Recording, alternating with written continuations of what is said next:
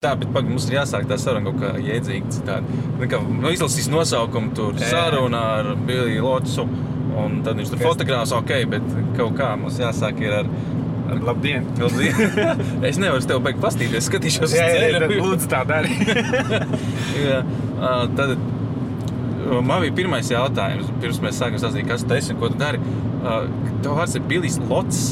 Jā. Man liekas, laik, ka tu esi pārtulkojis viņu angliski. Pseidonīms. Nē, nu, ka tev ir uh, loķis. Man liekas, ka nav vispār mums tāds lots, tāda dīvaina galotne. Nu, man liekas, ka, ka kā, lai angļu valodā vai Facebookā citi tur raksta tur, nu, angliskos versijas, lai nebūtu garumzīmes. Un, un es no sākuma padomāju, ka tu esi arī pārveidojis. Spļauj ārā! Tam uzvārdam laikam nāk no no no Latgales. Kāda vecāku radīja man ir Latgalē, un tad locis tā kā lācis, tā kā locis Ā, vārds. ok. Tas it kā no turienes nākot. To man ir teikuši, vai arī varētu tav, pēc tavas versijas būt no spāņu valodas loko. Trakais vai kaut kas tam līdzīgs. Ah, ok, cool. Tad bet, es, bet vairāk no tās latgāles. Tā kā, nu, it kā ir latviskais vārds. Vēl ir locis, kas ir tā kā um, tas, kurš ved iekšā kuģus. Tā Jā. profesija. Tas ir locis, bet ir lots vai lots. Es saku o, daudz saka o, es vairs nelaboju, es pats nezinu, kā varbūt būtu pareizi. man, man, mans uzvārds arī, es nesen pirms gadu vai diviem uzzināju tikai, ka ir saistīts ar kuģniecību.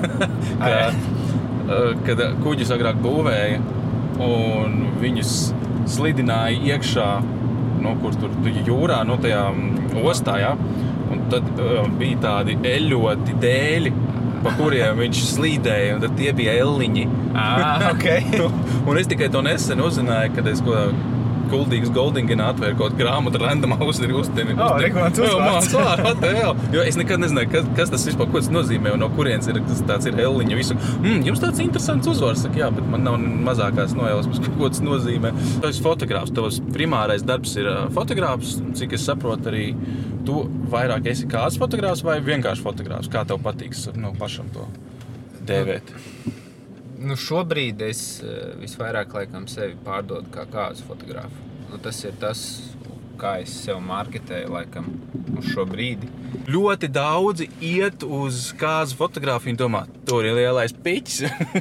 Varbūt tas ir, paklausās, cik maksā vienas kāzas. Varbūt tas apačai. šķiet tā vieglāk sākt. Var, nu, ja tā padomā, tev ir kaut kādi draugi, kuri precās, un viņiem vajag nu fotografu. Tu fotografē, tas ir, man liekas, tāds pieejams salīdzinoši, ka tu, ja tu fotografē, nu kādam vajadzēs, un viens no tādiem pasākumiem, kur parasti izvēlās fotografu, ir kāds fotografs. Tas eh, var būt nu, viens no eh, tādiem, kad sāk. Bet eh, noteikti ir nišas kaut kādas šauras, kaut kāda ēdienu fotografija, produktu fotografija, kas, nezinu, piemēram, visam Rīgā fotografē, vai visai maksimai fotografē katalogs, vai Nu, jā. kaut kādas tādas specifiskas lietas, ko varbūt mēs nemaz nezinām, kas ir ienesīgāki darbi nekā kāds fotografija. Bet kāds fotografija var būt tāds vieglāks ceļš sākt. Vismaz daudziem tā liekas, ka tas ir viegli. Tagad tu sāc un tagad tu saproti, Ka tas eh, nav galīgi viegli. Jā.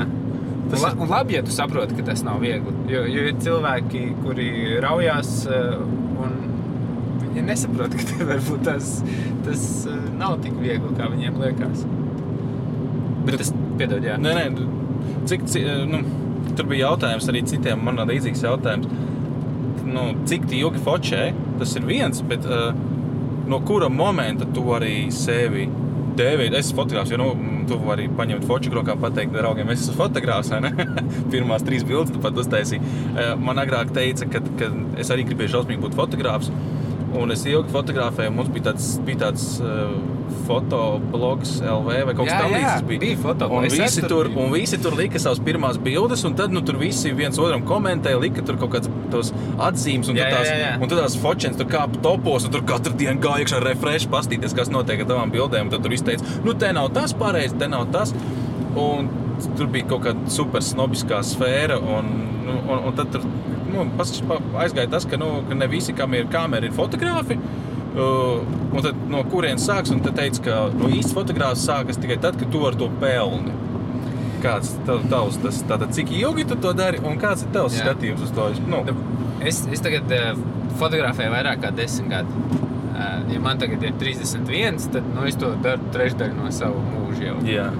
Es jau kaut kur vidusskolā jau sāku kaut ko fotografēt, bet nu, tas, tas tā ļoti organiski. Tik pie kaut kādas kameras, tāds klasiskais stāsts. Tik pie kameras kaut ko sāki fotografēt, tur puķīt, sauriet, viss iespējamais. Tad arī sākās tā sociālo tīklu ēra, kad bija kur ātri visiem parādīt, un tad visiem ļoti patīkās tās tavs puķītes un sauriet, ko tu esi safotografējis. Tā pati fotobloga komūna arī, kad eh, visi tur komentē, un tad arī ir kaut kāda atziņa, tad tas tāds kaut kādā ziņā tādu labu spērienu dod, vai arī pašu motivāciju, ka ah, jā, viņiem patīk, tad uh, tu ej uz priekšu un kaut ko dari. Bet uh, tas nosaukt tagad uh, gandrīz visus varētu par fotogrāfiem. Nu, Nu, jā, tev visiem ir kamera. Izvēl, kam- izvēlēts jā. telefonu un to es. Līdz ar to man liekas, tas vārds uh, fotogrāfs vienkārši kā nezinu, īpašības vārds, ka tu esi fotogrāfs tagad vai apzīmējums. To varētu gandrīz uz jebkuru, kuram vienkārši patīk tas process. Teikt. Uh, ir Bet, dažreiz, bet eh, ir profesionāli. Jā, es gribēju par šo teikt, ka dažreiz eh, cilvēki to vārdu profesionālis arī mētā uz visādām pusēm. Eh, Saka, profesionāls fotogrāfs eh, pie mums mēdz teikt, ka, ja viņš ir profesionāls, tad tas ir sinonīms, viņš ir labs fotogrāfs. Kas nevienmēr ir taisnība. Eh, Vairāk, kad eh, profesionāls fotogrāfs drīzāk ir tas, ka viņš pelna ar to savu iztiku. Viņš Jā. var būt sūdīgs fotogrāfs, viņam var nesanākt, viņam var nebūt klienti, viņš var darīt eh, nu, nezinu, ne pārāk labi, bet viņš ar to pelna naudu.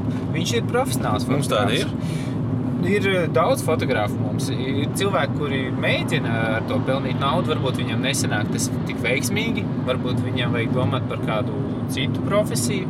Ir ļoti daudz iesācēju, kuri mēģina un kuri, uzliek, kuri sev uzliek uzreiz to zīmogu. Es esmu profesionāls fotogrāfs, pēc kāda laika viņi saprot, ka okay, man nesanāk tik labi, lai es varētu dabūt klientus, vai arī man nav motivācija vairāk Jā. censties un mācīties un iet uz priekšu un attīstīties. Un tad viņi vienkārši tur noliek malā un sāk darīt kaut ko citu.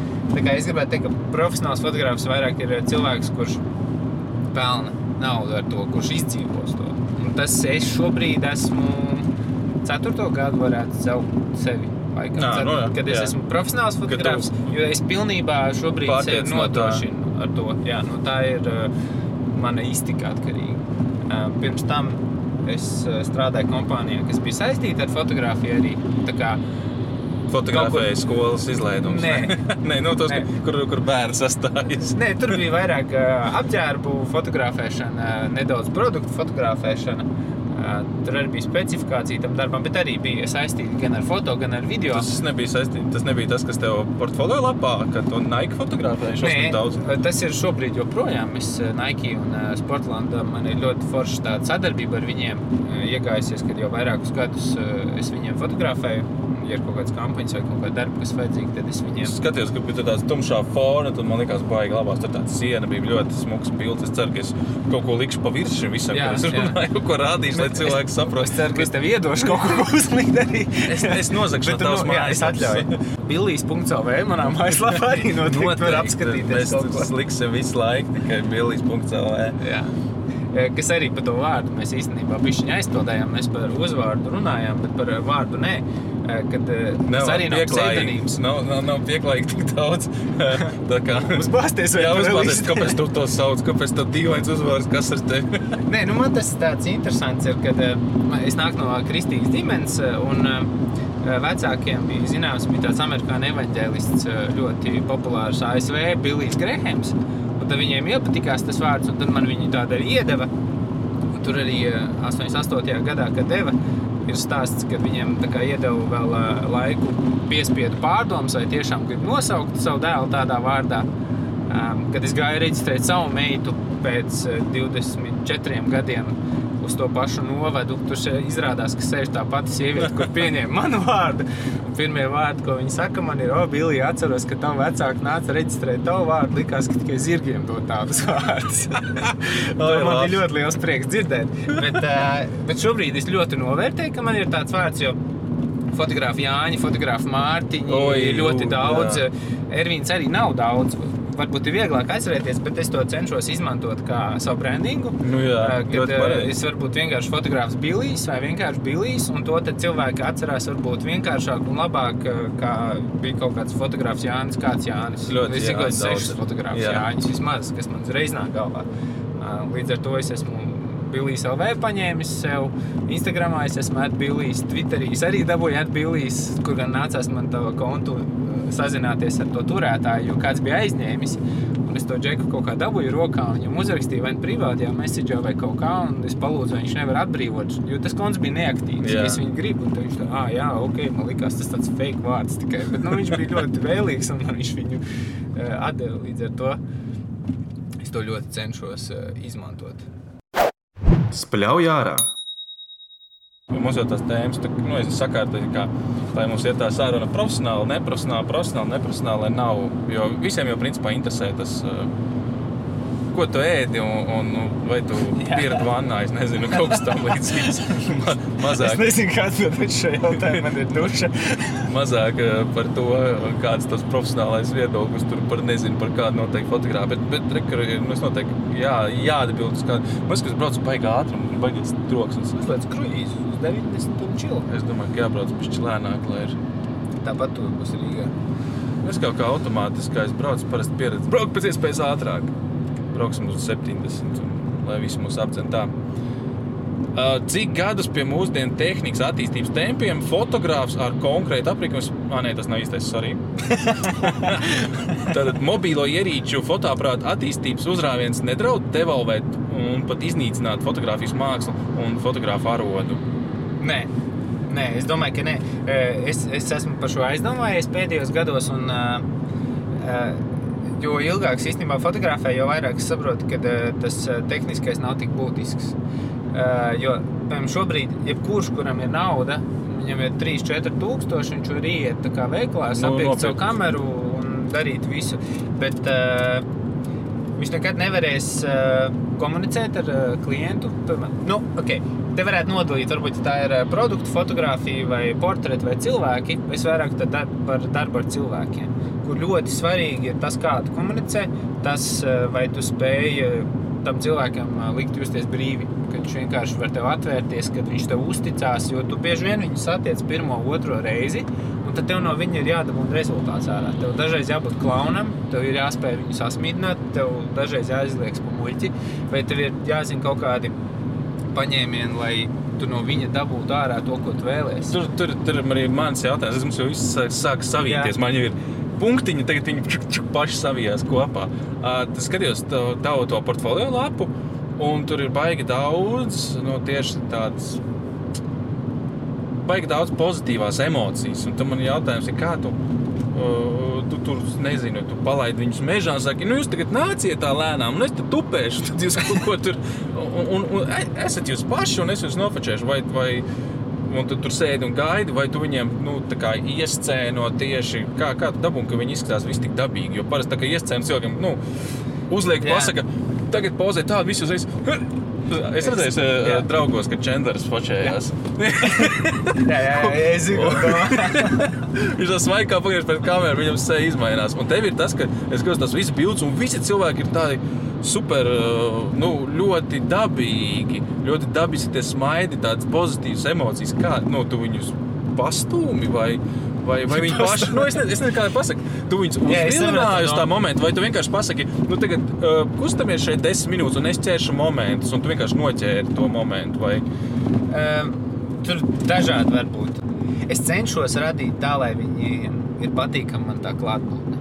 Uh, Tā, ka es varu būt čoms viņiem, tā, ka es uh, varu būt ar viņiem uz tu. Man šķiet, ka uh, es spēju pielāgoties pie uh, cilvēkiem, vai arī atrast kaut kādu valodu ar viņiem, kaut kādu humoru. Uh, Man šķiet, ka es varu sasmīdināt lielu daļu cilvēku, kas man ir svarīgi, piemēram, ar tiem klientiem, piemēram, ar kāzu pāriem, kurš strādāja, kad ir ļoti svarīgi būt ar viņiem uz uh, viena vīgnes, būt vienā sapratnē. Uh, Tāpēc man patīk ar visiem pirms tam satikties, jo, ja es jūtu, ka, nu, Jūt, ka humors nesaskana. Nē, nu, vienkārši- Ej projām. Nu, Tā ir baigi skarbi teikt, varbūt. Nē, tās, nē, bet, bet, normāli. ā, Mums, mums, Mēs esam kli klienti, ir tik daudz fotografu, ir tik daudz. Un, un tas, ka tu iedomājies, ka tev vajag vienu fotografu, nenozīmē, ka jums sapas. Dažreiz Nu, nu, ir jā, tā, ka aizēji- piemēram, tu vēlies vispār kaut ko citu. Un varbūt mani joki viņam liekas reāli stūbi, tīzli un ģēli. un Viņš negrib vispār ar mani runāt, piemēram. Tad, uh, varbūt arī tajā dienā nav labi, ka es tur esmu blakus. Līdz ar to ir baigi forši, kad ir tie cilvēki, kuriem tu vari būt tā kā čoms tajā dienā.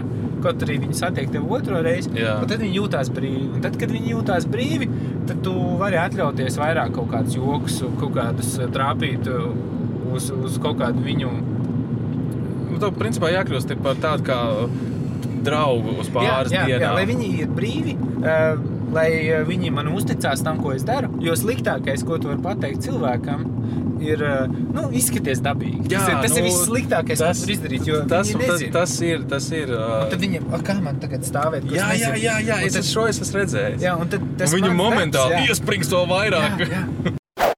Spļauj ārā. Bieži vien cilvēki, tad, kad viņus fotografē, viņiem ieslēdzās kaut kāds pilnīgi cits es. Viņi varbūt ir rītīgi smieklīgi, un rītīgi pozitīvi un smaidīgi. Tā kā viņi ir, nu, kādi viņi ir, ka viņi runājas. Bet, tā, kad ā, tu viņu fotografē, viņš apzinās, ka viņi fotografē. Viņš No, pilnībā jā. izmainās. Tas Tur kaut kāds cits cilvēks izlien ārā. Tas ir šausmīgi. Es um, sāku kaut ko tur sev filmēt. Un man uh, Alisa jau teica, vienmēr, ka kā es ieslēdzu kameras, kļūst par robotu. Viņa jau galvā tev ir. Nu, es tikai jums pastāstīšu par šo, un kā ieslēdzu kameru. Labdien, šodien raidījumā. Un viss, un, tev, un, un tu nevari būt tāds, nu, tas, tas, tas ir baigi jāstrādā pie sevis, lai tu varētu būt dab, teikt, dabisks vai dabīgs, ka tu esi tāds, kāds tu esi īstenībā. Jo daudzi jau, piemēram, kameras priekšā, nu, pietēlo, nu, tajā pašā, pašā momentā, kad taisa selfiju.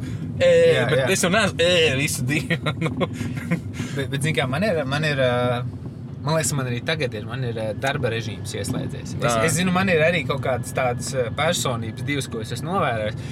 Man liekas, ka es īstenībā esmu diezgan kautrīgs cilvēks, tāds varbūt pat introverts. Man tā šķiet, varbūt tās pilnīgas muļķības, ja man draugi tagad skatās, varbūt viņi teiks, ka tā nav.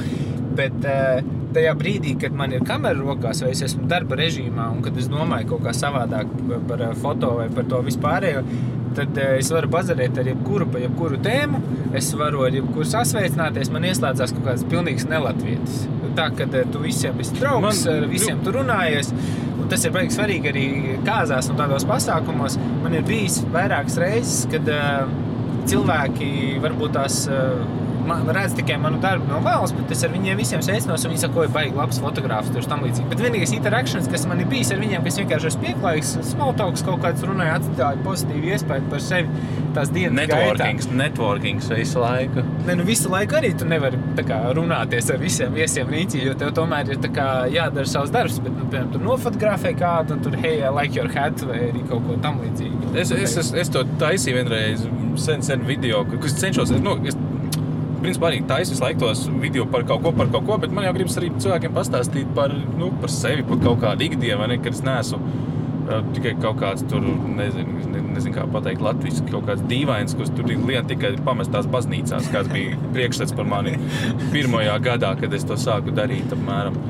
Um, Un es arī uztaisīju video, kurus rakstīju, ka es īstenībā esmu ļoti kautrīgs. Un viss saka, nē, tu nekad neesi bijis kautrīgs. Arī skolā neesi. Es gan neatceros, kurš uh, mans kursabiedrs to uzrakstīja. Bet kāds rakstīja, es atceros, ka tu totāli nebija. Jā, tā bija kaut kāda mana maska uzvilkta. Un es močīju, jo es, varēju, es biju pieņēmis noteiktu pseidonīmu, pieņēmis noteiktu uh, izskatu un masku. Un es bliezu tajā, jo tajā jaunībā arī ir vieglāk kaut kā. Tad man nelikās tas baigi.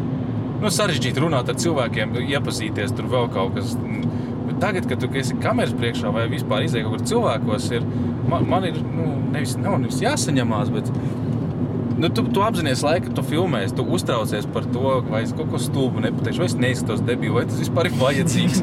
Visu laiku ir. es to daru. Visā, jā, visu laiku ir, ir, ir tāds, um, nu, kā to pateikt. Nu, ne, nav, nav tā, ka pašpārliecinātības trūkums, bet visu laiku tāda padomā, vai tas vispār ir vajadzīgs kādam, vai tas man ir vajadzīgs. Bet tagad, uzfilmē, tu saliec kopā, un pateici, ah, baigi forši, ka es to izdarīju. Jo nu, katru reizi, kad tu kaut ko izdari, tu kļūsi labāks. Man liekas, nu. Tev būs čūpa ar pārmetumiem, kad ar telefonu rokā tur Nav vietas šeit vairāk. Šeit ir mikrofons, ja? un, un, un šeit parasti stāv telefons. Bet tas telefons var krist, un kad krīt, viņš apgāž mikrofonu, un tad tev viss gāžās. un Viss normāli. Man ir automāts, man šī roka nav vajadzīga. Es braucu, cik es braucu? 16 tā, gadus. tā ir mana bilde. O, oh, rekur tas Nike. Cool. Spļauj ārā.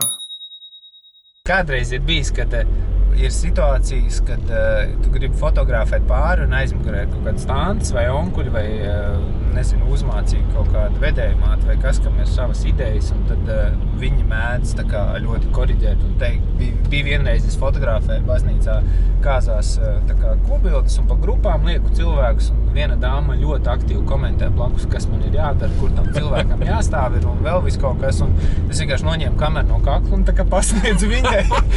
Labai. Tajā brīdī nē, nē, nē, vi- viss kārtībā. Viss ar, kārtībā, ar, es to, ar to pietika. Oi, ar, ar to pietika. Viņi saprata, ka eh, šī nav viņas kā vieta. Eh, Bet lielākoties cilvēki kā uzticās man eh, tam, tam, ko es daru un ko es izvēlos.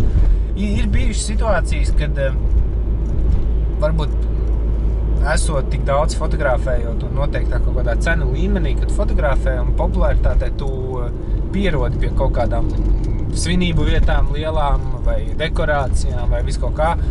Un, eh, un tad ir reizes, kad tu apzinājies, ka iespējams tu esi viena no dārgākajām pozīcijām tajās kāzās, kad ir necils viesunams, ir maz viesi. tad Tas uzdod tādu nu, ļoti lielu atbildību man personīgi, kad es saprotu, cik tiem cilvēkiem ir bijis nozīmīga šī fotografa pozīcija, ka viņi, viņi ir prioritizējuši tevi, jā. kaut ko citu, savā dienā nebraukt ar šī Cik, kaut cik, cik maksā kāds pie tevis? Nu, tā tu vari neiedzināties sīkumos, bet tā aptuveni, lai mēs saprotam, cik tas ir dārgi. Nu, šo sezonu tie ir 900 eiro, kas ir par visu dienu. Tas ir- darbs. Nu, 20, 20. Es, nem, es vairs nemāku 20, 20, nu jā, 20, 20 gads. Tā kā amerikāņi eh, sāk runāt 2020. jā, Vienkāršāk pateikt, nekā 2020. jā. Tas nu, var kādam varbūt likties baigi lielā summa, nu, kas nav maza summa, ko es apzinos. Bet uh, nu, tā tehnika un tas darbs, kas tomēr ir jāiegulda, un Nu, tas- tie desmit gadi, ko tu esi mācījies, lai tu varētu Nu, to, to- vienu dienu izdarīt tādā līmenī, tu vari kā man tu ne- ne- netāstīt. Tas ir tas vecais joks par, eh, par, par direktoru un 5 minūšu logotipu. Es gan nezinu, kas tas ir, ka tā ir īstenība. Um, notiek sanāksme, sapulce. Sēž tur kaut kāds milzīgs uzņēmuma vadītājs un sēž dizainers, kurš tur arī nu, diezgan labs savā lauciņā.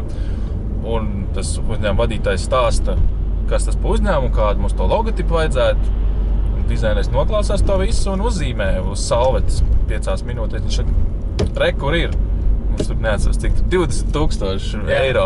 Viņš saka, kā, ko, kāpēc? Tu taču reku piecās minūtēs tikai uzzīmēji. Un Kāpēc Man vajadzēja 20,000? cik gadus? Viņš saka, man vajadzēja 20 gadus, lai iemācītos to piecās minūtēs izdarīt. Nu, tad, tad tieši tas moments, jā. Spļauj ārā. Šodienas sērijas, mūsu pilota sērijas, tas, zin, kā saucās? Kā sauksies tas podkāsts? Podkāsts saucās Spļauj ārā. Spļauj ārā, tu kaut ko par virtuvi runā. Jā, mēs mainījām to. Ir Spļauj ārā. Pagaid, un tagad. Tagad, kad reiz būs ka- ka kaut kāda jautājuma, būs pateicis vai uzdevis, uzreiz parādīties spļauj ārā. un Tad tu atbildi. Ja? Kā Tur pie montāžas viss notiks. Bet mūsu šodienas uh, sponsors ir Vox Street Riga. Vokstrīt Riga - garšīgi nūdeļu ēdienu Āzijas noskaņās ar gaļu, veģetāri, vegāni un bez glutēna.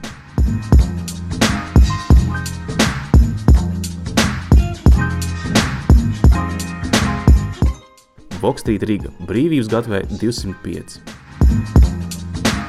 Cik es esmu bijis kāzās, tu vienmēr aizbrauc uz kāzām. Tad tu tur staigā visiem līdz vēl kaut kaut kaut. Nu, reāli, man liekas, ka ēšana kaut kur astoņos vakarā ir. Nu, tā parasti ir, ka piesēt pie... Kā, nu, es saprotu, mēs jau tur nodrošinamies ar kaut kādu, nezinu, pīrādziņu, kaut kur dabu. Kā ar fotogrāfu? Tu taču tu strādā visu dienu un tu taču nedabūni ēst vai kā. Un tu tev, nu, tagad viss piesēž pie galda. Tu taču atkal staigā fočēt, tev kaut kur snikeri sabāsti vai roltonu pakas. Šī ir sāpīga tēma, fotografija. Vienkārši Nē, ar nu, gastrītu dzīvo visu laiku. Un... man kā cilvēkam, kurš īstenībā neēd gandrīz brokastis, tā vispār ļoti liela problēma. Jo man ir jāpiespiež tajā rītā, kad man jābūt kaut kur desmitos jau gatavam, un kaut kas ir obligāti jāpēd, jo es zinu, ka bieži vien es varbūt tikai septiņos dabūšu kaut ko ēst. Kamēr, eh, kamēr tu strādā, kamēr tu domā, viss kaut kas notiek, kamēr tu esi darbībā, ir, ir ok, tu bieži vien aizmirsti, vienkārši koncentrējies un domā. Bet tad ir kaut kāds brīdis, kad piemēram, atslābums kaut kāds vai jābrauc kaut kāds pārbrauciens. Nu, tad rītīgi Nu, visu laiku pārbrauciens. Un uh, manā mašīnā ir uh, pilns bardačuks ar uh, kaut kādiem brauc? batoniem. Jā, es braucu savu mašīnu. Jo pēc tam domāt, kā apakaļ nokļūt no kaut kurienes. Nu jā, Nu, nezinu, kurienes, jā, jā, vai, vai viņam nav jādomā, kā man tur aizvest. Tas ir nereāli. Līdz ar to man mašīnā ir uh, visādi power batoni, visu kaut kas līdzi. Es zinu, ka man ir kolēģi, kur ņem līdzi sviestmaizi taisa, kuri vai arī vienkārši Un kā tu tad ej saliek mašīnā? ēdienu. Nu, ja ir automāts, tad ir laba priekšrocība. Tad vienkārši nu, vienu toreiz rociņu pa ceļam. ēd, Jā, pa ceļam tu paēdi. Uh, bet nu, nākamais dažreiz sāpīgāk ir tas, ka es vienmēr runāju ar tiem cilvēkiem, es mēģinu nu, dot mājiņu, pieteikt, ka būtu forši atcerēties par fotografu arī pabarot. Jo nu, ļoti daudziem tas liekas pašsaprotami, jā, un tam līdzīgi, bet nu, vienkārši dažreiz tik daudz lietas tev ir jāplāno, ka tu vienkārši aizmirsti. Jā, par bet savu šis muz, stafu muzikants vai- parasti tur baro un visiem dod ēst, ne? Jā, bet zini kā, Fotogrāfs aizmirst parasti. Es varbūt uzskatu sevi par īpašu kaut kādā ziņā, bet uh, nu, man ir diezgan svarīgi, ka es varu būt tajā pašā prasa, lai varētu sēdēt blakus sievai. nu, nu, ne tik traki, bet uh, es uh, prasu, ja ir iespēja, ka es varu būt tajā pašā telpā un starp Nu, loģiski, sēdēt. nu, jā. Tāpēc, kad uh, atkarībā no muzeķiem, nu, muzeķi zina, kad viņiem jānāk tā, jums Jā, spēlēt, jau- ja viņi nespēlē, jā, viņi, viņus atrod. Tev jau arī vajag ķert momentu, ka kaut kas notiek pie galda. Hups! Ja kaut kāda omīte, omīte izdomā vienkārši kaut kādu tostu, tūlīt tagad teikt, jā, nu, tad pat ja es ēdu tajā brīdī, es varu norēģēt. Nu, jā. Un Nevis tev aizsūta uz virtuvi. Jā, jā, ir, mūžs kaut kāds, kur vispār pirmajā stāvā apakšā kaut kādā pagrabā tu esi. Un, tad, tad tajā situācijā bieži vien, ka muzeķis jau tur tusē pusdienu, un ka tu vari paēst beidzot, tad nekas daudz nav palicis. Tas ir viens. Un, un otrs, kad uh, tas brīdis, kad es varu visdrošāk ēst, ir tā kā pārējādi. Jo nu, tad viens nav ko nedarīs. fočēt. Jā, nu, neviens negrib, kad viņš tiek fočēts ar to, ka mm Mhm. -hmm. viņam dakšiņi ir mutē. Un tad tas ir labākais brīdis. Un bieži vien eh, tie apkalpotāji, kas ir viesunamos, viņi var neizpildīt, nu, es nevaru viņiem pārmest, tas viņiem nav pavisam jādomā, bet nu, mana specifika bieži vien sanāk, ka viņi stāfu pabaro tad, kad ir pabaroti visi viesi. Un tad sanāk tā, ka uh, visi viesi ir ēduši, es sēdējis īsti malā, jo nav ko fočēt un nav ko darīt.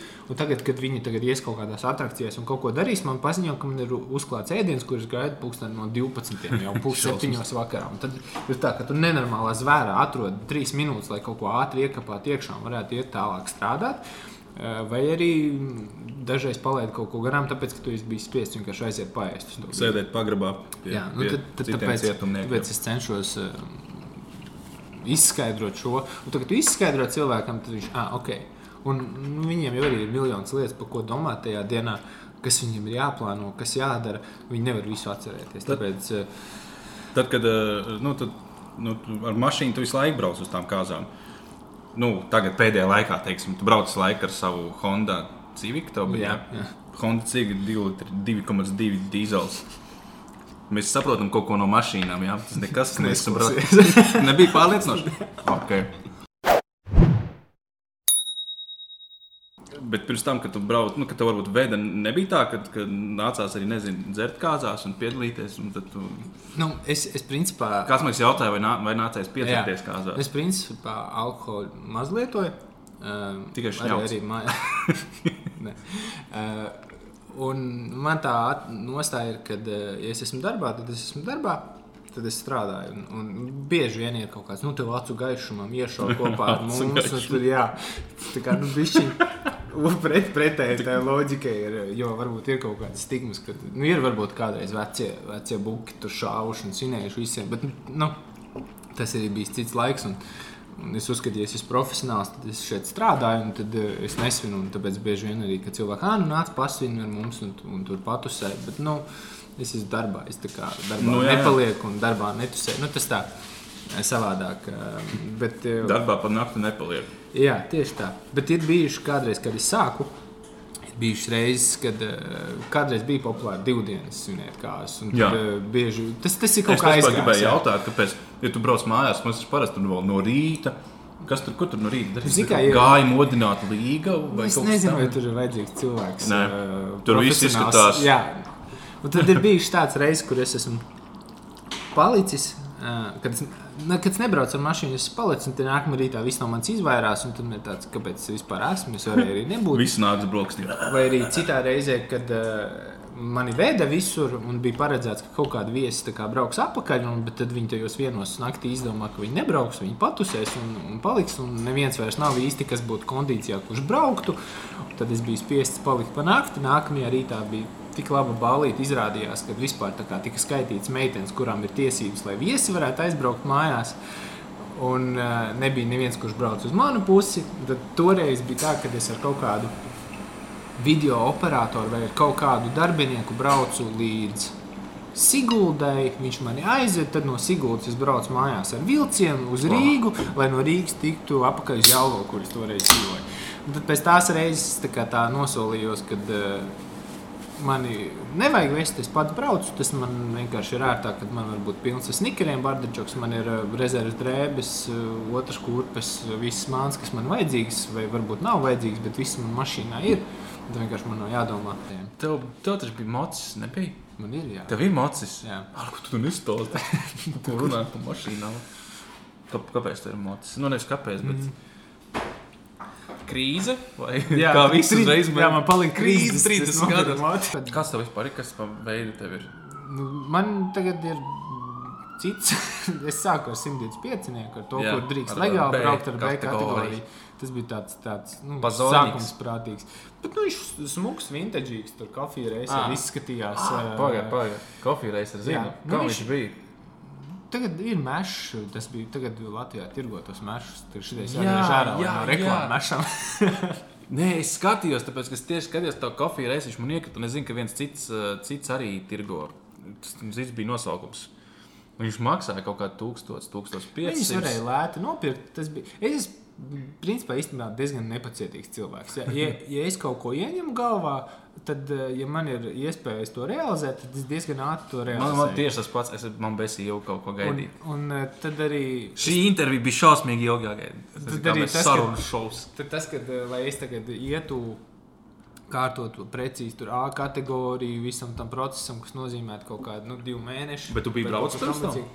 Nē, es, principā iemācījos ar to 125 no YouTube. Braukt. Nu, labi, es biju braucis pa savu ieliņu ar vecstāvu kā no YouTube var iemācīties emoci braukt? Nu, Kā pārslēgt ātrumu? Nē, nu, nu kā, nu, teorijā kaut ko jau tu tā kā zini. Nu, tu, tur, es biju braucis ar Rīgas, zinu, kā nu viss pie sajūga. Tur Jā. apmēram, ka tur ir kaut kāds ātrums, protot braukt ar ā, štepseli, tu saproti, kas tajā mašīnā strādā. Es vispār esmu tāds cilvēks, kuram patīk saprast, kā kaut kas strādā. Tagad es saprotu, kā tas strādā. Es spēju to pielietot, jo es zinu, kāpēc tas notiek. Un, piemēram, ja es saprotu, ka tur sajūgs tiek nospiests, tad es saprotu, kas notiek motorā, kāpēc man jāspiež sajūgs. Un mm -hmm. tas var pārslēgties. Un tad es tur sēdēju. ā, Paklā, kā, kā, kā tu... Kā no YouTube klasa ir vēl Nē, es domāju, es domāju, kā tā bija seksā. Tā arī gāja un viss. kā tas strādā no iekšpuses. Pēc tam šī Tieši tēma nebrīdināja. Spļauj ārā! Sēdēju YouTube, es vēl biju īstenībā nesen ā, nokritis no longboarda un satraumējis roku. Un tad es tas, tomēr- mm, man vajag moci. Jā, es, es, es sēdēju mājās, neko nedarīju, skatījos YouTube, uh, how to ride a motorcycle. Un tad man tā doma bija iesprūdusi galvā rītīgi. Tad es ienāku kaut kādā ciklā, Bet tu tu kur nomierināties. redzēji kaut kādus, es nezinu, plakātus, vai tev patika, nezinu, CC Riders vai es nezinu. Nu, Es biju Sons of Anarchy, skatījos tur Ah, seriālu, ok. bet tas nav tāds, man liekas. Jo man bija, man bija agrāk motorolers, es nobraucu, bet viņš, viņš man bija transporta nu, pārvietošanās pēc, jo es dzīvoju Salaspīlī un darbs man bija Čiekurkalnā. Un es vairākus gadus minos arī tenis turien atpakaļ, un, tad, protams, nu, pēc laika jau nu, trīs gadus nominos, nu, nu, bišķiņi piegriezās. Un, un te kaut kā trāpījās, ka man vecāki nopirka motoroleri. Es vairs neatceros, vai es viņiem atmaksāju vai neatmaksāju to. Viņš nebija arī beigās kosmosa. Tie bija, es nezinu, kurš gads tur kaut 2000, tie bija 300 lati, man liekas. Nu, Viņš bija pilnīgi jauns ar garantiju. Un tas izzinājās, un man baigi, baigi patika. Nenormāli. Tas bija tāds kaivs. nu, Tur kaut ko vajag kopu uzkāpt, aizbraukt. Un tad bija kaut kāds tur jaunības moments, kad tur. Nu, pa, mums tur rajonā nebraukā nekāda policija īpaši neko. Tur varēja aizbraukt mierīgi skrogu, padzert alu un pēc tam vakarā aizbraukt atpakaļ. Tas bija tikai super kaifīga lieta.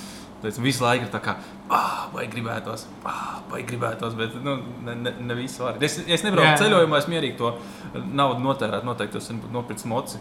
Mēs tam arī pamēģinām ar kvadrām braukt, un baigi iepatikās. Viss saka, sūdz, nu, ka, ka nav stabili un ka foršāk ir krosa mocis un braukt pa mežu. Un, Bet man kaut kā tieši patīk, ka tu vari sēdēt uz viņu tā ļoti, nezinu, ērti ar vienu roku. Kaut nu, labi, vienu nevar, bet Nu, ir vienīgi, ja tu, ja, tu, ja tu krīti no viņa, Nu, nu, tad tad ir- mocis aizslīd prom, kvadrāts tev paliek uz kājām. Nu, jā, es zinu, tur visi to stāsta. Tur kaut ko, ka tur viens akmentiņš pietiek, bet man, man arī man, man baigi patīk.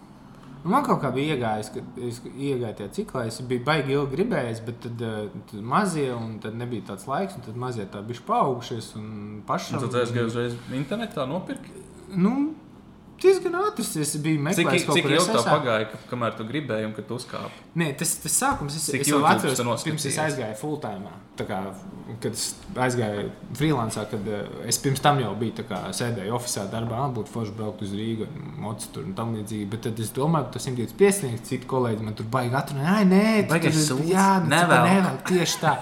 Un tad, un tad, Klasika. un tad kaut kāds laiks pagāja, tad bērni jau bija lielāki, patstāvīgāki, un tad bija tāda stabilitāte, bija iegūta, kad saproti, kas notiek tajā freelancā. Tad ai, nu, nav vairs neviens, kurš saka, ka beigas sūdzas. Ka nevēlas vienkārši nu, no, Nebūs kauns uz brīvāju braukt ar 125. Jā, nu, viņš smuki izstījās, un varbūt, kad pienāca arī tas brīdis, kad es kaut kad nesen biju aizdomājies, ka es daudz fotografēju, un, un kad tas sākums jau tā, kā tā fotografēšana ir hobijs.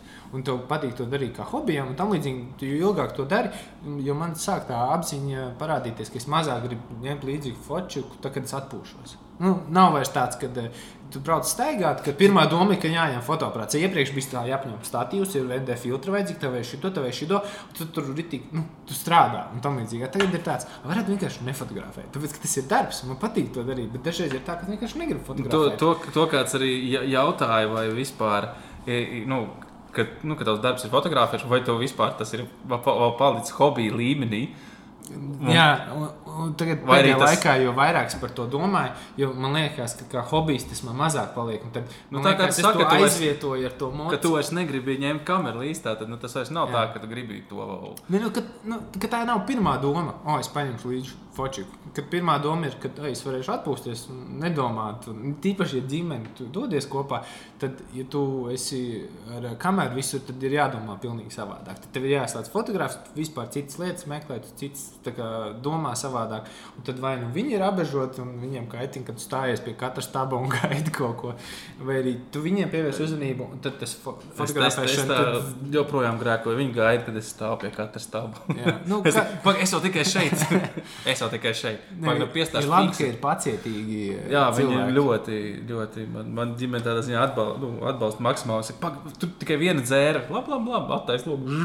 Zūms iekšā, filmējam dzēru 20 sekundes. Vai tur labs nav ko. Un, jā, tas ir kaitinoši. Un Tad, nu, tagad man ir jauns hobijs. Bet tu viņu arī, nu kā, nu, tu aizbrauc brīvdienās izčilojies, vai, vai tu Nē, nu, es paņemu līdzi fotoaparātu, bet man ir kārtīgi aizies uz garāžu, tur soteciņš pat paskrūvēja kaut ko. Nē, es neesmu skrūvēts. Nē, nē. Man zina, kā ir īpaši Daudz tā- nopērk mocu, un tad viņi tur Bet ķimerējas. Man liekas, ka tāda lieta kā motocikls, nu, zin, kā, tur jau tā ir pa diviem riteņiem mazāk kā mašīnai. Tu jau tā esi tajos visos elementos, civēri, jāka un tam līdzīgi. Tur jau ir paaugstināts risks. Tad, lai es ņemtos kaut ko savu galvu skrūvēt, nu, Spļauj ārā! bet vapsnīca viņš maksāja, pār- viņi pirka? Es viņu nopirku par 1700. Un es viņu pārdevu par 1900. Es viņā ie- Ko? Nē, fuj, otrādi. Es tā pārdevu dārgāk. Nē, es ieguldīju viņā 1900, es viņu pārdevu par 1600. Man liekas, tā bija. Pagaidiet, pagaid, tu no, nopirki par 1600. 700. Es vienkārši nomainīju viņam lampu, tur apkopes. Nu, vienkārši... Tas bija vēl 1900. Nē, nē, nē tie bija um, 200. Ah, ok, kopējā Tas summa starp- 1000. Redz, tas- matemātika arī normāla. Speciāli. Klausies, šodien būs kaut kāda divu pajoliņu runā par motocikliem. Ui, kā mums tumšs palika. Es visu laiku Tu, tu, domāšanu. tu ir. sveicinies, tad, kad viņi... Ne, tas, Tu- tu- ma- tas- tas es, es gribētu nopirkt mocu tikai tāpēc, ka gribu. Vai kā viņi tur apakšā rāda visā. Šeit tu izstiep to kreiso roku, ir sajūta. tad- Tas- Tas, tas, ir. Jā, tu jūties līdzi kā savējais. Pat ar to mazo 125 braucot, tas tā. Nu, tas ir smieklīgs. Tas nu, motocikls, knapi iekrīt. Bet tur jau neredz, viņš tā kā jā, viņi izskatās. Neviens Jā. jau nezinu, cik viņiem tur Bet, ir. bet rolleris tu, nedrīkst sveicināt. Rolleris tu Rolleris, nesveicinās. nē, Un, ja nu. motociklis, man kāds teica, ja motociklists pasveicina rolleri, tad cimdi jāsūt, jāiet mazgāt pēc tam. Vox Street Riga - garšīgi nūdeļu ēdienu Āzijas noskaņās ar gaļu, vegetāri, vegāni un bez glutēna. Brīvības gatavē 205. Mēs te visvairāk gatavojamies šim momentam, kad vajadzēja būt mums Te būs skaņa, kvalitāte, gaisma. Ar realitāti mēs būsim safilmējuši stundu, kaut Pa ceļam kaut kur un ēdot, tad te būs 5 minūšu bazars. Bet arī 5 minūšu bazars ir labs.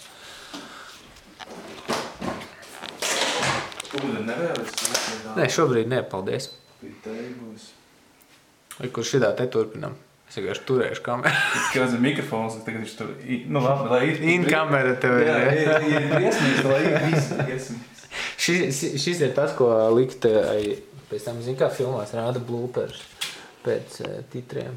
Un tur mēs izvēlējāmies, ka tur runājām, ka pats Aha, vai? telpas skaņa. Mums nebija vispār tādas skaņas, un tagad pēkšņi viņi ir. Tāpēc, labvakar, darbie skatītāji, šodien panorāmā. Labdien! Laka. Tur skatīties. Jā, Mēs, pieņemsim zvanus jau tūlīt minūtes. Nav, nav, ir, bijis sajūta tāda. Tā tāds interviju oficiāls, tā kā, jā, tūlīt preses konferences, lūdzu, sagatavotie jautājumi. Labdien! Jā, ir klusums. Mums arī make-ups nav, mēs ab, abiem varbūt spīd sejas. Es esmu ļoti tālu, man būs ok. Ā, tev Tu ok. esi- Man ir, man ir tūplāns neglēmojošais, jā. Bet man ir savs vārds, kad es izdzīvošu, tu uzmetīsi kādu Instagram filtriņu pa virsmu, uztaisīs man oranžu burkānu. Nā, tādu būs labi. beauty filtru. Ā, jā, jā, jā. Bišķiņ tāds spīdīgs. Kā, kā tev pašam ir ar sociālajiem tīkliem? Tev ir normāls attiecības? Nav tā, ka... grūti tas, ka man ir grūti sadalīt, eh, kas ir mans private stuff, un, nu, kas ir privātais, kas paliek mans, un ko es dalītos tikai ar draugiem, un, un kas ir tāds nu, biznesa tendēts. Mm. -hmm. Ja es uz Instagram skatos, tad es tagad priecājos, ka Instagramam ir tā close friends funkcija storijiem, kad es varu visādas kaut kādas muļķības vai kaut ko, kas ir, eh, ko es negribu, lai man tur 4000 vai 3000 sekotāji redz. Nu, kad, eh, jo tā ir, ja tā iedomājies tos visus cilvēkus, tad mērķi to arī tu saliec vienu, vienu, tas tāds normāls pūlis, un tad, nu, tad, kad tu to iedomājies, tad vai es šito te gribu visiem stāstīt vai nē. Un tad ir dažreiz grūti, ka, nu, š, tad, okay, šis ir, kur, kur likt. Citiem cilvēkiem, piemēram, nav problēmas, viņi liek pilnīgi visu savu ikdienu tur iekšā, un uh, Man liekas, ka Instagramam nav tā problēma. Instagramā man nekad nav bijusi nu- nē, nu, nav bijis tik. Bet tik un tā, kāds, kāds to redz? tā kā? Nē, nu, jā, to Es, jau. un es jau neuztraucos, ka redzu, bet drīzāk eh, nu, man ir jāuztur nu, interesants tas saturs. Es, piemēram, kā fotogrāfs, viņi pieņem, ka viņi man seko kā fotografam. Un, kad viņi pieņem fotografu, nu, es nevaru likt tur 50 stāstus ar savu suni. Tikai Man liekas, ka visi visur seko tikai dēļ cilvēka. Man liekas, ka neviens nes, neseko dēļ profesijas. Man Es 90% pārliecināts, ka neseko dēļ tā, ka, ka tev ir profesija. Ka seko tāpēc, ka interesē, ko tas cilvēks dara. Vismaz man tā šķiet. Jo, pasties YouTube vai kaut kā. Kāda man jaunieši aizrādīja, ka YouTube nedrīkst teikt. Jāsaka, YouTube. YouTube. YouTube. YouTube. Nu, jā, YouTube ir tāds pišķi. Nu, es saku, ka angliski saka YouTube. Nu, angliski. YouTube. YouTube. Nu, jā, caur tu, bet latviski man vieglāk caur tu. Nu, vieglāk mēs varam teikt YouTube, un Tas nav labāk. tad labāk ir YouTube.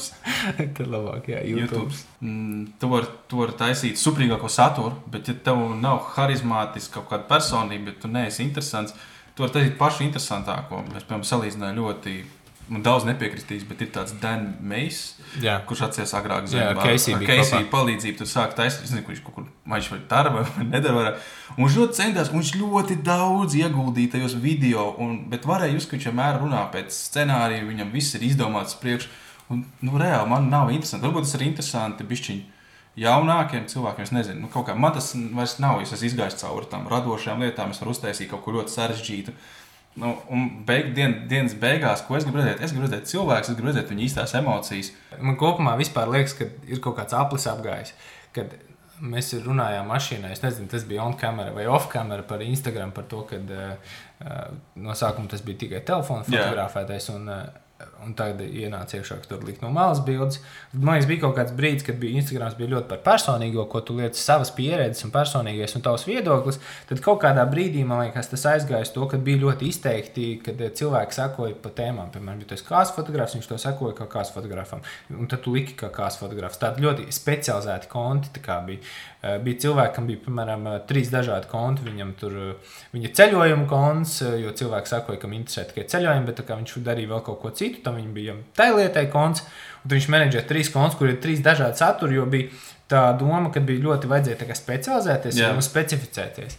Bet man liekas, ka tas tagad ir pārgājis, ka cilvēki viņi ir noguruši no tā, ka viņiem tiek barots iekšā tas ļoti komerciālais, ka viņi grib atkal atgriezties atpakaļ pie tās personīgas, pie, pie tā ne tik daudz varbūt, eh, kas ir tas darbs, ko tu radi, bet kas ir kas tu esi par cilvēku. Nu, jā, nu es saku, un tas, ko tu teici par to, ka jāliek ļoti specifisks stāvs iekšā, ir. Nu, es neesmu ļoti tā iedzinies Instagram, bet vairāk es iedzinies YouTube izpratnē, ka tur ir noteikti obligāti tas ir galvenais likums. Ja tu taisi, tad taisi tikai pa vienu tēmu, tikai pa vienu savu nišu un vispār neko citu labāk tu neliec. Tu gribi kaut ko citu taisi, citu kanālu. Mm.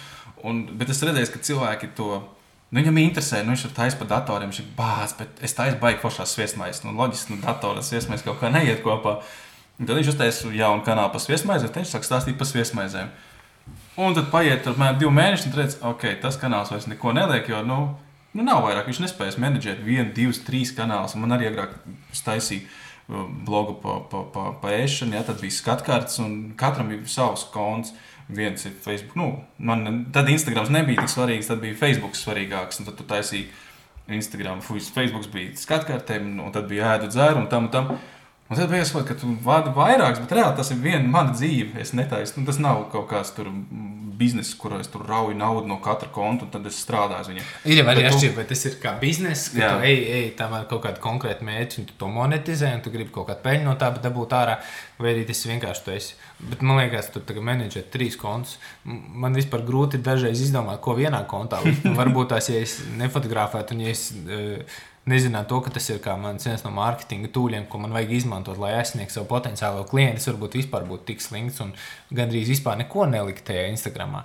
Jo Nu, dažreiz, jā. dažreiz ir jāieliek kaut kas tikai tāpēc, ka tu zini, ka tev vajag kaut kādu engagement, tev ir jābūt aktuālam, tu nedrīkst pazust vispār. Nu, jā, jo, jā. nu, ok, tu vari būt Google meklētājā, tu vari nopirkt kaut kādos portālos reklāmu. Nu, jā, bet eh, tu ar bildi jau pārdod vairāk nekā Jā, jā. reklāmu.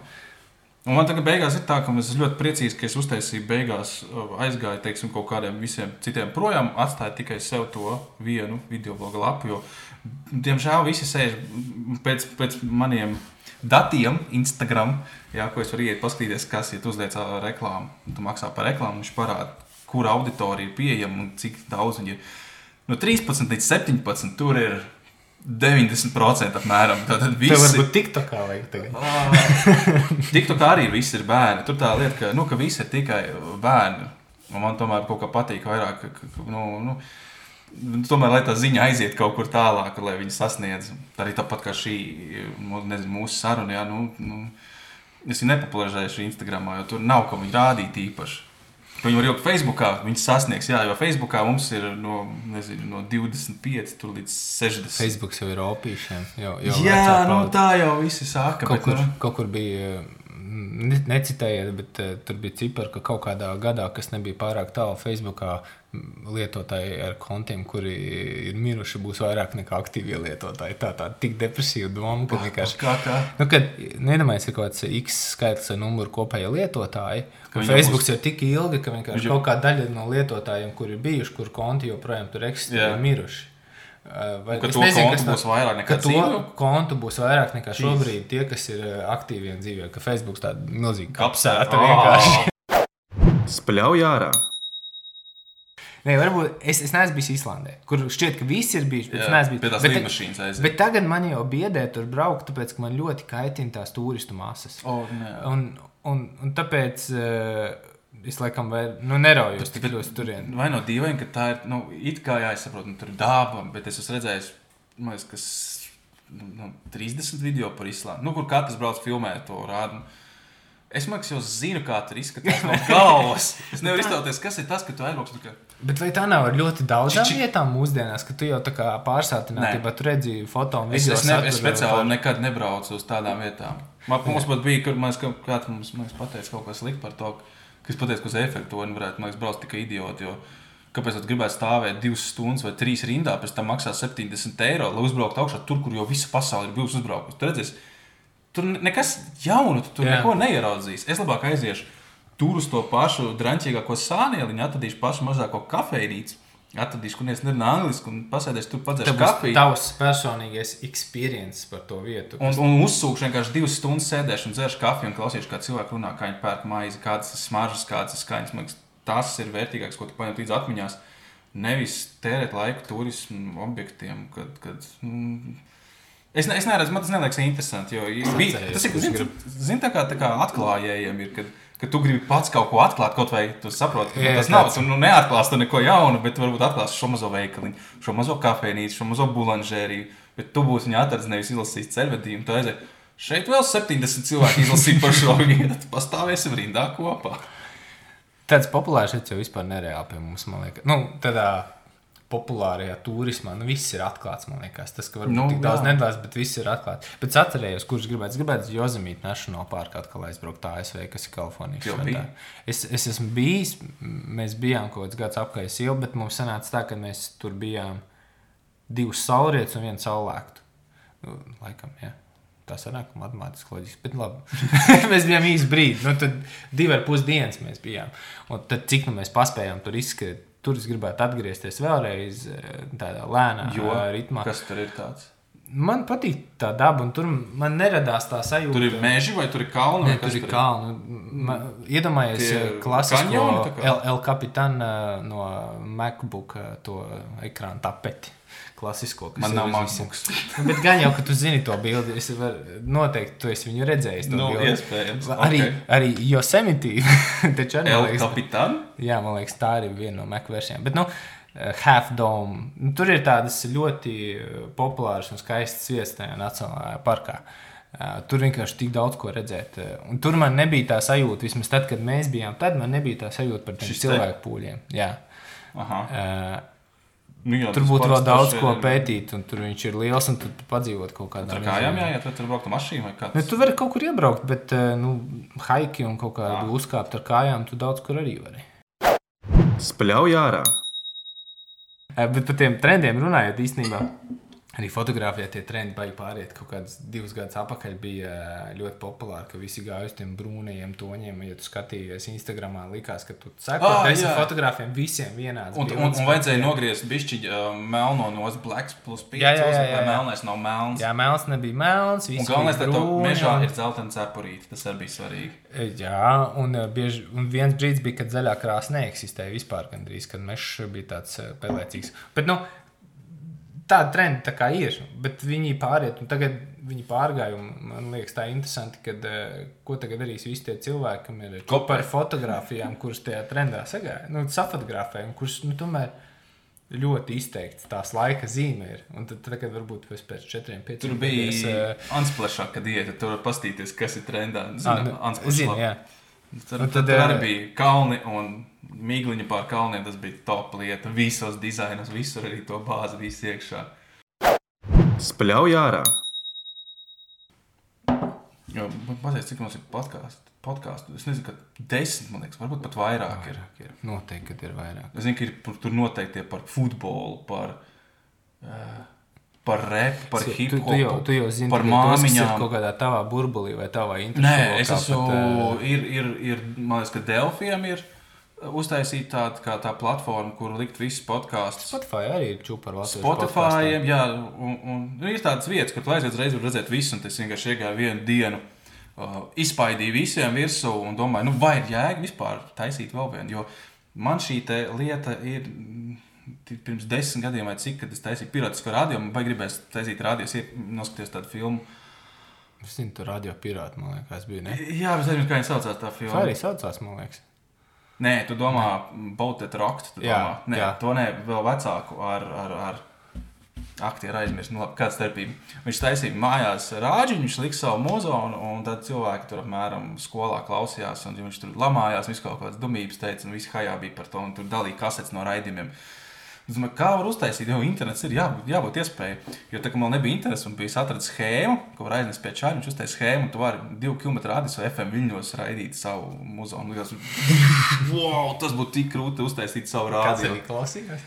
Uh, nē, es uztaisīju internetu rādio. Ah. Un tad, kad tajā laikā mēs visi sēdējām cibā, sviesta cibā, klabelē. Kas jau ir aizgājis par, par Twitter pēc desmit gadiem runās tāpat kā tur nāk par Bet sviestu. viņi lieto joprojām. Cibu. dzīvo? Jā, visi lieto un liek, tur viss notiek. Un tad mēs, tā, tādā ziņā, ka mēs bijām vairāki cilvēki, kas runāja tajā, nu, tajā savā komuniņā. Un Te viņi nosauc arī par klubu FM.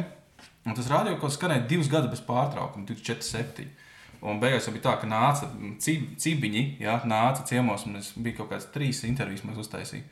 Arī tās sēdējām, runājām, tikai tas gāja viss pa tiešo. Droši vien viss ir ļoti legāla mūzika. Un, Jā, jā nē, tas, bija, pirā- tas bija pirātiskais rādio, tāpēc arī pirāta karoks ārā karās. Tas nav tas tāds savilkās kopā. Un tad kopš tā man kaut kā tas liekas, ir, ir, ir interesanti. Bet kur, kur atrod citi to motivāciju taisīt tos podkāstus? Nu, ir, ir jau arī komerciāli nolūki. Ir, zin kā, tu jau... Man liekas, ka varbūt daudz cer, ka, ka būs baigi populāri. Nē, nu, ir, ir, ir, ir, ir viens pazīstams podkāsts, kur vienkārši divi cilvēki runājas, bet paralēli lieto dzērienus. Un Tur ir ļoti, Ah, ļoti jā. izteikts lobbyis, eh, konkrēts, eh, kāpēc ir tā doma. Un Nē, nu, tur skaidrs, tur, tur pasaka tev. Nē, nu jā, nu, bet tur, labi, viņi arī neslēpj to. Bet uh, kaut kādā, pēc kaut kāda laika tu iegūsti popularitāti. Tu jau arī tāpat kā influenceris stāstīt podkāstos, likt kaut kādas reklāmas vairāk vai kaut ko pastāstīt, bīdīt vienas kompānijas virzienā. Nu, tur jau atkal eh, kā tu izmanto to spēku vai to eh, savu eh, auditoriju, kur tu esi uzkrājis.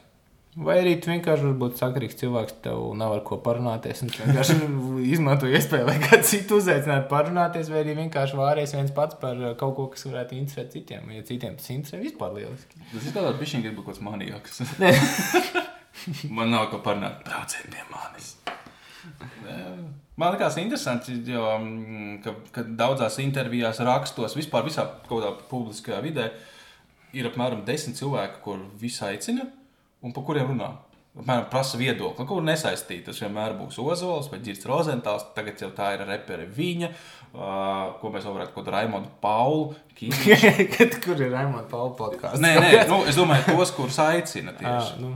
Kuriem prasa kaut kādu viedokli. Bet uh, tas, Un tas, tad ir tie desmit cilvēki, kuri klejo pa visām intervijām, non-stop. Es tik skatos, nu, kur viņi tas pabeidz. ir aktuāli tajā brīdī. Uh, man liekas, ka vienkārši nav citus, ko uzaicināt. Es varbūt ļoti maldos. Es neesmu. Es, tas tas tā- nav tik traki. Jā? Jo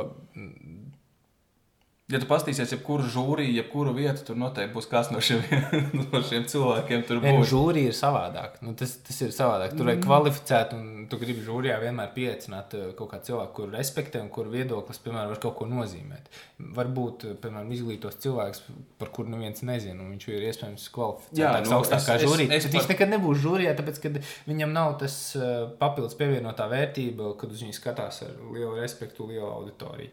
Un tas var būt arī tādiem kaut kādiem nu, podkāstiem vai intervijām, kad gribi pieaicināt cilvēku kaut kādu konkrētu. Tad eh, tu savam podkāstam iedod būstu un paplašini mērķa auditoriju. Nu, tas ir- cilvēku, kurš ir populārs. Tas ir brīdī. nu, jā, es, tur atkal tas, ka tu uh, izmanto to, kas ir vērtīgs. Nu, uh, tu izmanto to savu to cilvēku, lai pats sev reklamētu, nevis to, ka tavs saturs būs vērtīgs. Tāpēc man liekas, taisīt šo sarunu. uh, Nevis tāpēc, ka man baigi galēcīgi, bet runāt ar cilvēkiem, kur patiešām taisa superīgas lietas. Bet arī pastāstiet, cik mēs vispār latvieši esam. Un, un, un cik, Nu, nu, ir, maz. cik ir cilvēki, kas eh, ar kaut ko vispār spēj izrauties vai ar kaut ko spēj Nu, atšķirties bet- no pelēkās masas. Bet ir, bet ir. Tāpat ir maz viņi. Maz, bet ir. Bet, un, un pat tad, kad viņi ir, man liekas, viņiem vajag lielāku atbalstu. Jā, man liekas, radīšana cilvēkiem Latvijā nav viegli.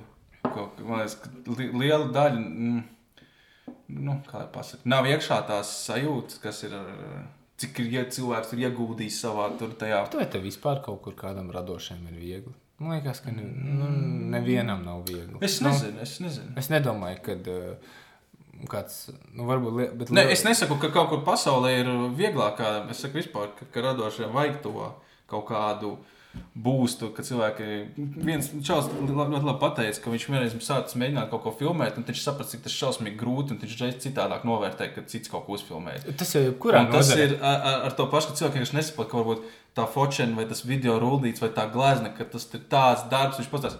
Es arī tā varu. Un, Pa- pa nevis pateikt, super, Džeki, tev sanāca kolosāli, man tā patīk. Ne, man nepatīk, bet tev super sanāk. Un mēs vienkārši ātrāk pateiksim, ka Ai, sūdz kaut kāds. Nu, kā fotogrāfam jau arī uh, tas klišejiskais joks, kad uh, Man ir kamera. Jā, nu kamera, un tad, uh, nu jā, tev jau foršas bildes sanāk, tāpēc, ka tev ir dārga kamera, un tad tu O, jā, to es saimniecei pasaki, tev jau garšīgi ēdienu, tāpēc, ka tev laba plīts. Tas ir tie, tieši tāpat, un tas ir itīgi, nu, nodrāsts joks, bet, uh, nu, tā ir tieši tāda pati analoģija. Ja tu esi sūdīgs uh, gatavotājs, tad arī, lai kāda tev kruta būtu plīts, un tev nesanāks labs ēdiens. Tev var nopirkt arī kameru pa 5000 vai pa 10 000 kaut kādu visu iespējamo tehniku. Ja tu nezini, ko ar to darīt, ja tu neproti atbrīvot cilvēku, ja tev vispār nav kaut kāda nezinu, motivācija to darīt, tad tev arī nekas nesanāks. Atgriezt, nu, pieslēdzot bišķi pie šīs tēmas, gr- grūti vispār pa, pašnodarbinātam Latvijā. Vai, vai, vai ir darbs? Ne, nu, Man, jo tas ir baigi, baigi man liekas, ļoti daudziem bail ir uh, bail aiziet varbūt no darba un sākt to darīt. Jo, Nu, Es, ne, es negribu teikt, tagad metieties visi freelancā, un jums būs darbs, un, un reāli viss būs zaļi un forši.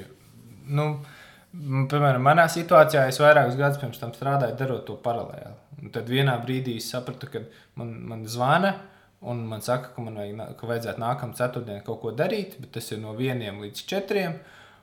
Bet es nevaru, jo man ir jābūt oficiālā tajā dara. Un tad vairāk palika vienkārši tādas iespējas, un tad es sāku domāt, ka varbūt man izdevīgāk ir darīt to pašam. Un arī mans priekšnieks tajā brīdī, viņš arī saprot, ka man uh, parādās šādi darbi, un tad, kad viņš, piemēram, grib kaut ko ieplānot, piemēram, vajadzētu braukt kaut kur. Un manā specifikā, kad es, piemēram, visu jau gandrīz zinu, sešu mēnešus priekš, ko es darīšu nākamajā vasarā, un viņam, piemēram, pēkšņi vajag, ka es uz trim nedēļām kaut kur braucu prom, tad viņš nevar, jo es jau esmu parakstījis līgumus, man ir konkrēti datumi aizņemti, un viņš nevar rēķināties ar mani. Un tad tas daļais iemesls, kāpēc es aizgāju freelancā, bija tas, ka nu, viņš man jautāja, tad ir jāizlem, ko tu gribi. Vai nu es investēju tevī, bet tu liec malā savējo. Vai arī eh, tu esi savējā, un tad vienkārši nu, viņš to saprot, un tad es vienkārši esmu saucēju. Un es izdomāju, ka es gribu darīt saucēju. tu, Process? tevi, tevi, tu aizbrauc uz kāzām, tu safočē. Nu, teiksim, kāds ir jūnijā, tas apfočē, cik ir, cik ir, cik paiet laiks, kad cilvēks saņem, ko viņš saņem bildes, viņš saņem zibatmiņu, ko viņš albumu, Viņš ir vārds. nu, kā flešku. Katrs savādāk dara. Tas ir atkarīgs no, tu to piedāvā, vai viņi izvēlas. Nē, es to piedāvāju. Ah, ir ah. tas, ko es konkrēti viņiem piedāvāju. Piemēram, manā situācijā es dodu online galeriju. Es nedodu iekļautajā cenā nekādu fizisko produktu. Jā. Man liekas, zibatmiņi tur dod mm, nu, tas flash. Varbūt kādam gribās kaut ko pieturēties, bet tas flash arī tu aizmirsīsi, neiekopēs kompī, tad pēc desmit gadiem tev tāpatās neatvērs Jā. varbūt tās. Uh, Līdz ar to es dodu online galeriju, tur priekšrocības, ka cilvēki var ar viesiem padalīties. Viņi uzreiz tur, piemēram, sākt maketēt albumus, tās pašas galerijas ietvarā, ja viņi paši grib taisīt. Ja viņi grib albumu, viņi var pie manis pateikt, ka viņi grib albumu. Pēc tam tur albumu izveidē arī tas jauns process, kādas vāks jūs gribat, kādu lielu albumu. Tas ir jau vēl atsevišķs solis. Ir.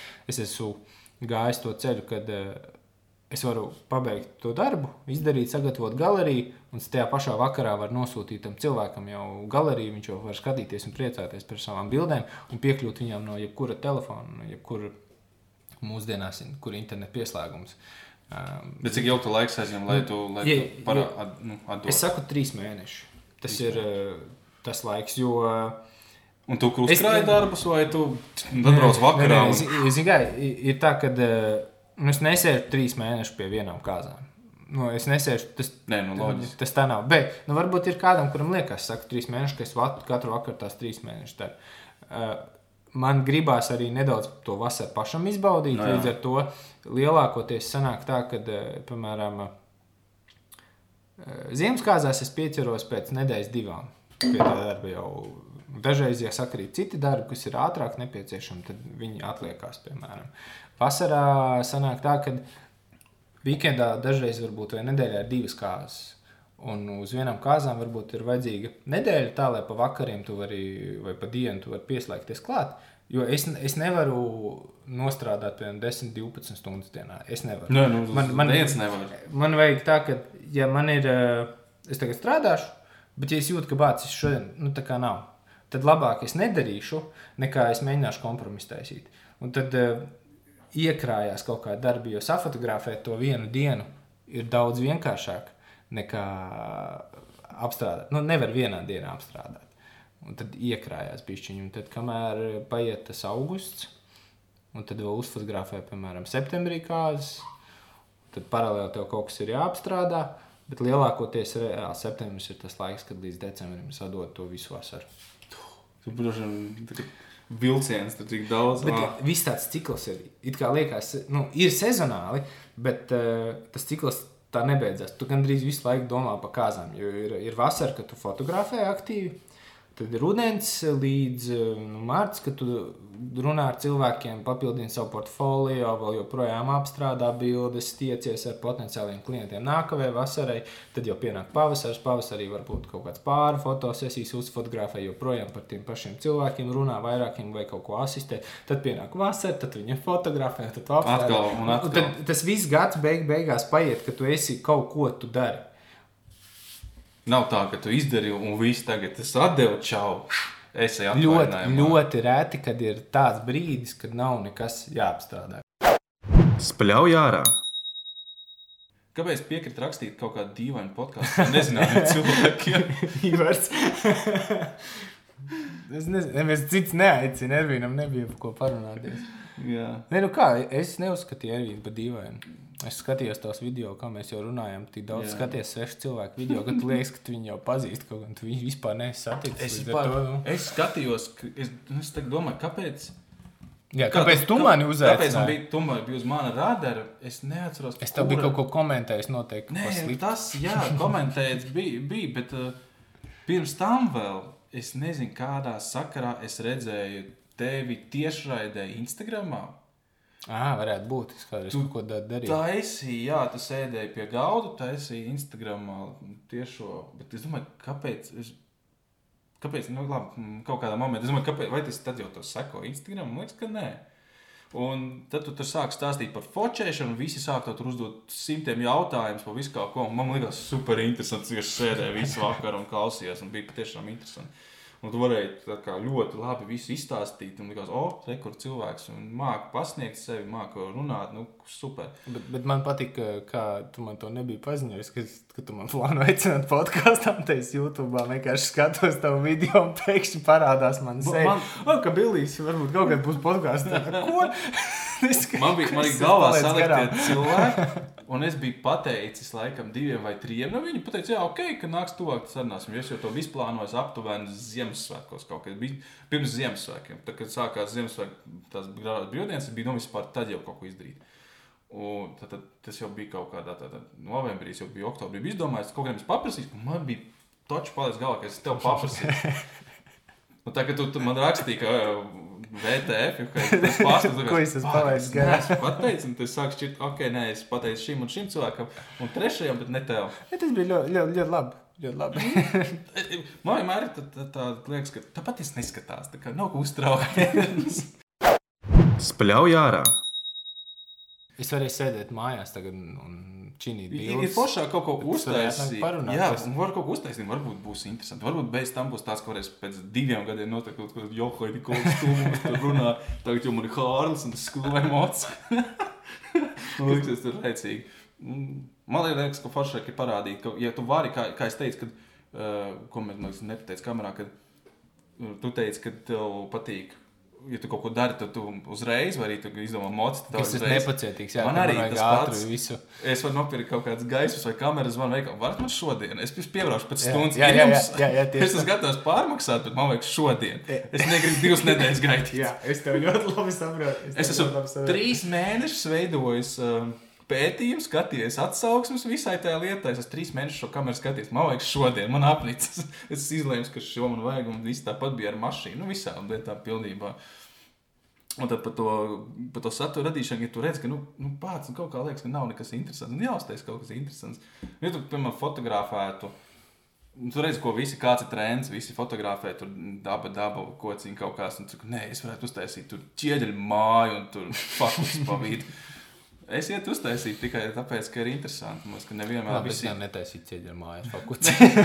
nu, visiem ir jābūt kaut kādam loģiskam, loģiskam apstiprinājumam, ka šis, jā, nu, šis ir jāizvērtē. Ka forši ir izdarīt un pēc tam pasties uz rezultātu. Un, uh, apjaut, ko tu iegūsi no tās pieredzes, ne tālāk. bet, Nekā. bet viņš tagad zinās par šo podkāstu. Tas Džeks, kurš jautā, Ā. tagad viņš zinās, redz, jauna metode arī sasniegšana. Kas arī īstenībā, ja tā padomā, eh, es zinu, ka ir eh, vairāk podkāstu un īstenībā vairāk youtuberi, kas eh, līdzīgu lietu dara, bet tieši ar aprēķinu, kad viņi tos pieaicina līdzīgus, nu, collaboration to sauc. Jā. Piemēram, Keisijam video parādās MKBHD, vai Lainas pie MKBHD iet un taisa viņam serveri. Viņi tur tā kā viens ar otru runājās, bet, eh, piemēram, no šī potenciāli varbūt, kad kaut kādi sekotāji, kas tev seko, uzzinās par mani. Nu, es pašu ar šo video kaut kādu cilvēku, kas eh, seko man, uzzinās par tevi. Mums abiem ir iegūms forši. Varbūt, kad eh, viņiem beigās ieinteresēs tas, ko es daru, un ieinteresēs, ko tu dari, un tad vienkārši mēs pastāstām par foršiem cilvēkiem apkārt viens otram. Spļauj ārā! Kas ir foršāk strādāt? ā, Ka tev patīk labāk strādāt ā, studijā, kur ir kontrolēta vieta, nu, kontrolēts gaismas vide, vai foršāk kaut kādā freestyle dabā? Man, man patīk dabā. Es, es varu izvilkt gaismas un studiju. Jā, nu, es, dabā es, ārā, es, ja es, vajag, es jau tā eh, sapratu, paskatījos eh, tavas bildes, ka Nē, nu, es varu arī strādāt studijā, bet uh, studijā vienmēr es esmu ļoti ierobežots. Uh, nu, ir cilvēki, ka- kas, piemēram, uh, studijā viņiem ļoti labi sanāk, viņi ir ļoti pedanti. Viņi tur var ņemties stundām ar gaismu, bīdīšanu un tam līdzīgi. Bet tā kā man vairāk svarīgi ir tā emocija vai tas brīdis, ko es noķeru, tad uh, man tā precizitāte dažreiz ir otršķirīga. Es prioritēju to, lai man ir Emocijas. lai man ir tas brīdis, ko es gribu noķert. Līdz Nu, ar to. redzi, Es, tas, ko es teicu, ka, ka kvalitāte nav tik svarīga, kā ir svarīgas tās emocijas. Nē, nu vajag kvalitāti. Nu, vajag, arī būt. vajag. Bet, ja ir To sev- kvalitatīva bilde un nav emocija, Jā, bet varbūt bilde, kur tam ir eh, domāts varbūt bišķi- shutterstock.com. Nu, varbūt bilde, kur bija neasa, bet ja viņai ir emocija, viņa tāpat būs būs labāka. labāka. Un es esmu Es- tāds cilvēks, pie... jā, jā. es esmu cilvēks, kuram uh, patīk, kad man ir viss kaut kas apkārt, ka man jau ir pieejami kaut kādi instrumenti, un tad es to varu izmantot. Studijā sanāk otrādi. Studijā man ir tā kā balta kanva priekšā, un man tagad ir jāuzliek. Ko es gribu, kā es gribu, man ir viss jādomā. Varbūt tas ir kaut kāds slinkums, vai tas, kā manas smadzenes vienkārši funkcionē. Es varu no esošiem apstākļiem izdomāt, ko es varu šeit izdarīt. tu esi problēma risinātājs. vienkārši. Tu redzi, mums ir šis, šis ierobežojums, mēs varam dabūt šo. Jā. nekā. Tagad es uztaisīšu problēmu, un tad es atrisināšu. Jā, es, es tāpēc uh, labāk esmu kaut kādā vidē, es varu staigāt, varu domāt, varu izdomāt, ko es te varu izdarīt, vai kā es te varu uztaisīt, vai ir forši. Man tā ir daudz vieglāk nekā iet vietā, kur nekā nav un izdomāt, kas tur būs. Es redzēju bildi ļoti sen. Tas attiecas par to kvalitāti, kad es sniedzu iekšā savas bildes tajos stokos, un viņas neņem pretī, un tur kaut kas nav kārtībā. Un tas kaut kas National Geographic, bet tas bija sen. Un viņiem bija tāds gada foto, un tad tur balso. Un tad tur bija tāda fotografija, nezinu, no Indijas vai no Āfrikas. Neatceros, tad tāds māja, un tur cilvēks iet pa trepēm un baigi interesanti izstāstīt. Tur tāds grauds ir, tur viss, tur kas nav asumā, kā tas ir gada foto. Tāpēc, ka tur ir Un man, stāsts, un man smadzenes lūdzu, domāju, kā tas var būt. Tas nav godīgi. Mums te fotobankās nepieņemt šeit. Galvenajā lapā ir tāda bilde, un tad, jā, tad saprot, ka pēc, pēc 3, 4, 5, 10 gadiem šo Tā ir dažādas Emocijas ir- National Geographic ir uh, dokumentālā fotografija. Jā. Tur prioritāte ir stāstam, tajā, kas ir attēlots. Tad, fotografija tad, jābūt tad man stāsts. laikā, tajā laikā man likās, ka uh, svarīgi ir abi, ka tev jā. ir Jā. jābūt. Nu, Ne, ideāli ja tu abi. ieiesi tumsā, tad saproti, nu, Džeki, šeit es neko ar ISO 200 nenofočēšu. Tad es nefočēšu Es vispār. tas nefočēšu, nevis 3200. Čik, čik, čik, čik. Oh, forši. nu, tā, tā mans smadzenes strādā. A Tagad jau ir citādāk. Bet, nu, stoks ir sterils. Stoks ir sterils, Jā, nu, tas bija, eh, protams, tas bija, tas bija tā mērauga. Man liekas, ka pēc tā tu vari nomērīt, uh, vai tā fotografija ir laba vai slikta. Es jau nevaru aizsūtīt tur kaut kādam latviešu fotogrāfam, pateikt, paklaus. Pasties man. Look at my foto. Fotoblogā varēja. A fotoblogā varēja. Un, jā, tad tur viss tas saspaidīja. Bet, bet, bet, ja tur kādam nepatīk, viņš tāpat pateiks, sūdz. Bet, bet es tagad atceros, apkārt, ka mēs runājam par fotoblogu, ka es gribēju pieminēt šo, kas man liekas, mūsdienās ir liela problēma. Uh, piemēram, Instagram vai Facebook. Uh, ko es esmu pats dažreiz atrāvies par to, un negativitāti dabūjis, ka nedod Dievs, tu uzraksti kaut ko, kas nav smuki, skaisti. Nu, ka man, prāt, man šķiet, ka šobrīd cilvēki ir pieraduši un ekspektē tikai, ka viņus slavē. Nedodies, tu uzrakstīsi kādam komentāru savu subjektīvo viedokli, kurš neatbilst uh, tam, ka tas ir superīgi. Piemēram, fotoblogā tur varēja pateikt, slikti, labi, tam līdzīgi. Ok, varētu argumentēt par, par to, ka tu esi izlicis savu darbu, lai viņi kritizē. Bet jebkuru darbu, ko tu izlieci, jebkurā publiskajā vidē, tu rēķinies, ka cilvēki redz. nu, jā. Līdz ar to vienkārši man liekas, ka mēs vispār kopumā, kā sabiedrība, internetu vidē, šobrīd ļoti maz sakam savu viedokli. Nu, Kurš nav tikai pozitīvais. Kas, piemēram, jaunajiem fotogrāfiem, man liekas, ir, nu, jebkuram jaunam cilvēkam, video vai foto, kas ir baigi kaitīgi, tāpēc, ka visi saka tikai labo. Visi, nu, Oi, cik forši, oi, cik labi, viss, viss, viss, bet nav varbūt kaut kāda subjektīva kritika vai baigi- kaut kāds cits Ir arī viedoklis. daudz, kas saka slikto, tikai problēma tāda, ka neviens īpaši Ne, jūtās uzreiz nespēja- aizvainots. Nespēja, ļoti, ā, kad, nu, tas arī, bet nu, tu kā raksti, tu pasaki, ka tu esi loks, tad es Nē, nu labi. Argumenti, Tas ir galējība, Būtu jā. forši, ja pateiktu, ja, ja var pateikt un nu, argumentēt, kāpēc, vai, vai ieteikt, kā darīt labāk, vai ne. Bet iespējams, es neesmu tas, es esmu skatījies, es, es redzēju, tikai Pamēģini, pamēģini kādam uzrakstīt, bāc, vietī tie horizontu šķības, piemēram, kādā video uzrakst. Un, un tas ir, nu, objektīva kritika. Nu, kas jā. iesācējiem, piemēram, nu, cilvēks šķiet, ka nespēja kameru taisni noturēt. Un tad pēc tam var izlabot, bet neizlabo. Nu, kas tāds ļoti triviāls piemērs šobrīd. Bet, uh, ja tu uzrakstīsi to horizontu šķības, tur būs vēl 50 cilvēki, kur to nolamās par to, ka tu esi atļāvies to uzrakstīt, piemēram. Jo kā tu tagad šo jauno mākslinieku aizskāri ar savu subjektīvo grūti viedokli par to, pats nu pats čīkstēju par to, ka es redzu daudz negatīvos, un tad man tā grūti, jā, ka tev kāds atnāks tagad tev kaut ko stāstīs, kā vajag pareizi filmēt. Es atdošu tā pastītos, mm, no jā, citi jau neko nevarēja uzrakstīt. Tipisks Latvijas. Nē, nu, bet arī var dažādi uzrakstīt. protams, protams. Nu, Labi, es, es laikam esmu tāds cilvēks, kurš uh, es saku, ko es domāju, bet es arī ekspektēju, ka man saka, arī, ko domā. Ja man kāds uzrakstīs argumentēt, ka šī ideja ir slikta, es to varbūt pirmajā brīdī, mm, nu, labi, pēc tam paiet kaut kāda diena, ah, ok, tas bija on point. Tā kā šī tā nevajag darīt, vai jādomā kaut kā savādāk, un es no tā mācos. Bet tajā brīdī, kad nav šī uh, alternatīvā viedokļa, kurš nu, ir kaut kas savādāks, kā tikai lieliski, super labi. Cilvēki vienkārši nemācās no savām kļūdām, jo nav viens, kas varbūt norādīts viņu kļūdām. Nu, nav tā, ka tagad jābūt visiem baigiem sodiem un tam līdzīgi, bet uh, tu vari cilvēkam kaut kā uzrakstīt privāti, piemēram. Tu, ok, es saprotu, var nerakstīt eh, varbūt publiski, lai nekauninātu vai kā, bet arī, ja privāti kādam uzrakst, tad arī cilvēks ir pēkšņi šokā, ko tu vispār esi atļāvies. Ah, es, es, es gan daudz, nu, es esmu vairākiem cilvēkiem, kas, kurus es varbūt skatos, un es redzu, ka viņi mēģina filmēt, mēģina kaut ko darīt. Redzu, pats tur kaut kas nav. Nu, vai, vai, vai ko tu dari šeit, ar ko tu filmē, kā tu. Tu, nu, es redzu, ka ir tās pašas kļūdas, kuras es pieļāvu, un kuras es pēc tam atkodu pēc, pēc laika, un tad rakstu privāti. vienkārši Pastāst man, ko tu dari šeit, es varbūt tev varu palīdzēt. Nu, man ir šobrīd stunda laiks, to pastāstīšu, kā šo var izdarīt labāk, vai kā to izdarīt labāk. Mm, Bet man arī beigās tā sanāca, ka neviens to nu, tā kā, jā, jā, un no neņem vērā. Jo, nu, pastāstiet, Instagramā, kad tu ieliec bildi, tu jau ekspektē tikai laikus. Nu, Es gaidu, es gaidu to brīdi, kad noņems laiku kontu no Instagram. Es Jā, kāpēc mums brīdi. nav noņemts? Es nezinu, Visi, varbūt laika gaitā lēnām kaut kur ņemsies. Amerikā nost. noņēma. Anglijā? Kaut kur testā bija noteikti. rādīja, ka, ka, ka nevar redzēt. Un man, mans jautājums bija, kas notiks ar tiem, ka, kuri. Mm, kuri jā, kad, kad tu vari iet. Tā šeit bildē ir 4000. Okay? bet Varbūt viņi liks screenshots no Jā, saviem bet- analītikiem. Bet, bet, bet screenshots tu taču vari Photoshopā uztaisīt, kāds grib. Es pat bieži vien aizmirstu nospiest to sirsniņu.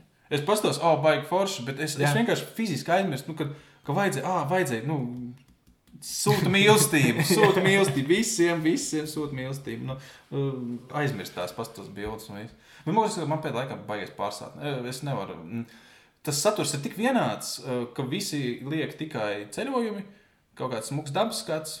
Vismaz manā apmēram listē, nu, tad tur aiziet, protams, tur kāds selfijas vai kaut kas. Vairs nav, uh, varbūt vispār slinki paugsts. No- nav novitātes. rakstīt, nav, nav tas uh, personīgais piestiens un kaut kāds stāsts par šo bildi. Ir vieta, un tur, nu, kur, kur tu atrodies. Kad, mm, es pats rakstu, nu, nevis daudz, bet es tagad atvēru to mm, ervinvideoblogs.clv. Un es pārakstu visu, katram video man vienmēr ir apraksts kaut kāds. Vai es lieku bildes no, no ceļojuma, es katrai dienai uzrakstu bišķiņu tādu nelielu, kā to sauc, aprakstiņu, jā, vairāk nekā desmit teikumus. Un tad es visu to pārakstu, lai tas, jo to es to darīju ceļojumā, nogurumā, vakarā tur sarakstu pilnīgi kaut ko, un tagad visu to pārakstu, un tad es jūtu, ka jāveido tas stāsts, ir jāiepazīst, kur tu esi, ko tu dari, kur tu brauc, lai cilvēks mēram var uztvert. Un tad varot Instagramā, man liekas, kāds ir, kāds ir stāsts šai bildē. Nevis vienkārši rakstīt Berlīnu. Bet vai, vairums 2020. noteikti neiedziļinās. Tur varbūt es no tiem, kur meklē un lasu, bet mērā tas informācijas ir daudz, un tu skrolo. Un vispār tas, cik, piemēram, tu bildē velti laiku, tur viena, divas sekundes, varbūt tu katrai bildē velti. Un, ja tev tajās pirmajās divās sekundēs, trijās maksimums, viņi neiepatīkās, tu jau esi aizskrolojis trīs Jā. bildes tālāk.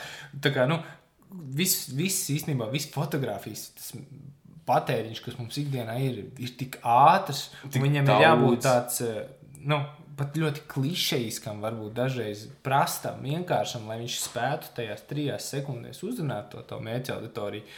Un, ja trīs minūtes, tad nu, tu, tu dzīvo uz tiem laikiem. Jābūt kaut kam ļoti wow. Un, un tāpēc varbūt kaut kādas fotogrāfijas, kur uh, ir nedaudz jāiedziļinās, lai nu, tev ir jāpaskatās, tad, ah, ok, tur kaut kāda tas cilvēks ir, ah, un tad tur ir vēl viens, ah, kāpēc viņi tur ir, un tad tu sāc domāt. Ah, okay. ah, un tāpēc, un tad, ah, un tad beigās kaut kāds stāsts ir, kas, piemēram, parādās. Un tādas fotogrāfijas neaiziet Instagramā, tāpēc, ka tev ir vajadzīgs desmit sekundes, lai vispār uztvertu, kas tur notiek. Spļauj ārā!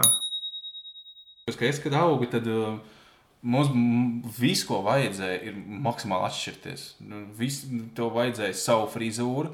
Tā Jānis Pirsings ir degunā, tad es taisīšu uzacīt. Nu, Neviens negribēja būt tāds kā otrs. Man vajag drēbes, tev ir drēbes, tad man vajag sarkanas drēbes. Tev... Un, un, un tāpēc mēs katrs bijām tādi pilnīgi, nezinu, tādi. Savādāk kaut kādā. Jā, bet katrs bija pilnīgi citādāks. Nebija tā, ka, oh, šos divus varētu sajaukt. Tagad eju pa, pa, pa ielu, skatos jauniešiem. Tur četri vienādi. Cepurīti šejienei, garās zeķes, botas, apaļās brīvības un četri identiski iet. Kā, kā viņiem ir interesanti prāts tā, ka viņi tikai Ej, čalīt, izties labi. Es gribu izties tā, kur tu nopirki, ej, parādi man, es Es domāju, visu tā, to es pašu. domāju, ka tas tā arī strādā. Un varbūt, varbūt kad ne savā starpā, bet viņiem ir kaut kāda influenceris vai kaut kāds cilvēks, kas Nu, nu, seko. jā, bet es bijis Backstreet Boys. Tur no pieciem izvēlēties, vai no četriem. Tur katram bija viens bija tur Bad Boys, viens bija tur Pretty Boys, Spice Girls arī tur bija Posh, Sporty, Baby un kaut kas vēl. Un, un, nu, tad kā, vienmēr bija tā, ka tu kā, nu, esi kā indivīds, tu esi kā personīgi noteikta lieta izcēlās. un Tagad man liekas, visi izskatās vienādi. Visiem patīk pilnīgi viena mūzika. Uh, tu vari veikalā, nu, veselā veikalā apģērbties. baigi dziļi un tumši aizējām. Tu ieliksi Billy Eilish kreklu, un tas nebūs tā, ka tur būs četras grupas, tur būs viens Billy Eilish, un visi pirks. Jo visi klausās vienu to pašu mūziku. Tas Tikai Billy Eilish nav nevainas. Nē, nē, Bet, eh, viņi ir, bet, viņi nu, ir jā. awesome, bet tas ir, tas, tas ir interesanti. ka, Ja mēs agrāk tas ir- pirkām krāklus, tad mēs vajadzēja, ka tā, man būs ar Homeru, tu vari ņemt metāliku, tev būs ACDC. Bet tas arī man liekas kaut kādā ziņā, tāpēc, ka mums tā informācija ir tik ļoti viegli pieejama. Nu, 20 gadu atpakaļ, nu, internets un viss. kā Tur, tur nevarēja zināt, kas notiek Amerikā. ātri vai- Nu, tagad tu momentā zini, tu zini, ko Kaņē vests ir kādu zeķi no rīta uzvilcis vai ko tamlīdzīgu. Tu droši vien nākamajā dienā overnightā vari atšķipot tās zeķes pie sevis. Tu, tu to vari, un tu redzi, un tu vari, un ja tev patīk Kaņē vests, un tev čomiem patīk Kaņē vests, tu gribi stilīgs būt un iederīgs, tad uh, tu tā dari. Varbūt, kad ir vienkārši mainījušās tās lietas, kas tagad jauniešiem ir uh, aktuāli. Kad, nu, ja tu gribi būt iederīgs, tad tev ir uh, jābūt Jābūt tādam kā visiem. pašam. Varbūt, nu, Jā. nezinu, mums bija, varbūt, es nezinu, es pīpēt gāja, ja gribēji būt iederīgs, tad pīpēji vai kaut ko. Es, es nezinu, nu, Kas, nu, tad, tad bija, tad, tad, tad vēl bija, tur bija kaut kāda, nezinu, reiveri, reperi, metālisti, tur goti. Pēc tam nākošā paudze nāca jau bija emo bērni. Kas tur vēl bija pēc tam, es neatceros. Nu, man liekas, ka bija emo, vēl bija Jā. tā kā viena, cik, nu, viņi bija kaut kāds desmit gadus jaunāk par mums, tad bija tie emo. Bet arī visi tur, tur cik vien var frīkaināk, katrs kā vien varēja tur zeķebiks uz rokām, viss Tad trīpēns. viss Un, tad- un tagad, liekas, un tad sākās kaut kāds. Nezinu, tad aizgāja bārdas, ūsas, flanēra krākli, un tad pēkšņi kaut kāda Lumberjacki. Jā, Lamberģēki, tad aiznesās visas barberlietas, baristas. Un tetovējami, un viss ir overmanly. un Tad, un tad, tad normkors piesākās, un tagad jau tās augstās māmu džīnas. Es jau tev pazaudēju. Tu esi vairāk ļoti daudz subkultūras. Es negribu palikt uh, tik ļoti vecs, ka es nevarēšu iebraukt. Pēc man vajag saprast, ja man patīk mūzika, tad man vajag saprast, jo ļoti daudz kas, nu, ko, ko mm, trendos nosaka mūziķi paši.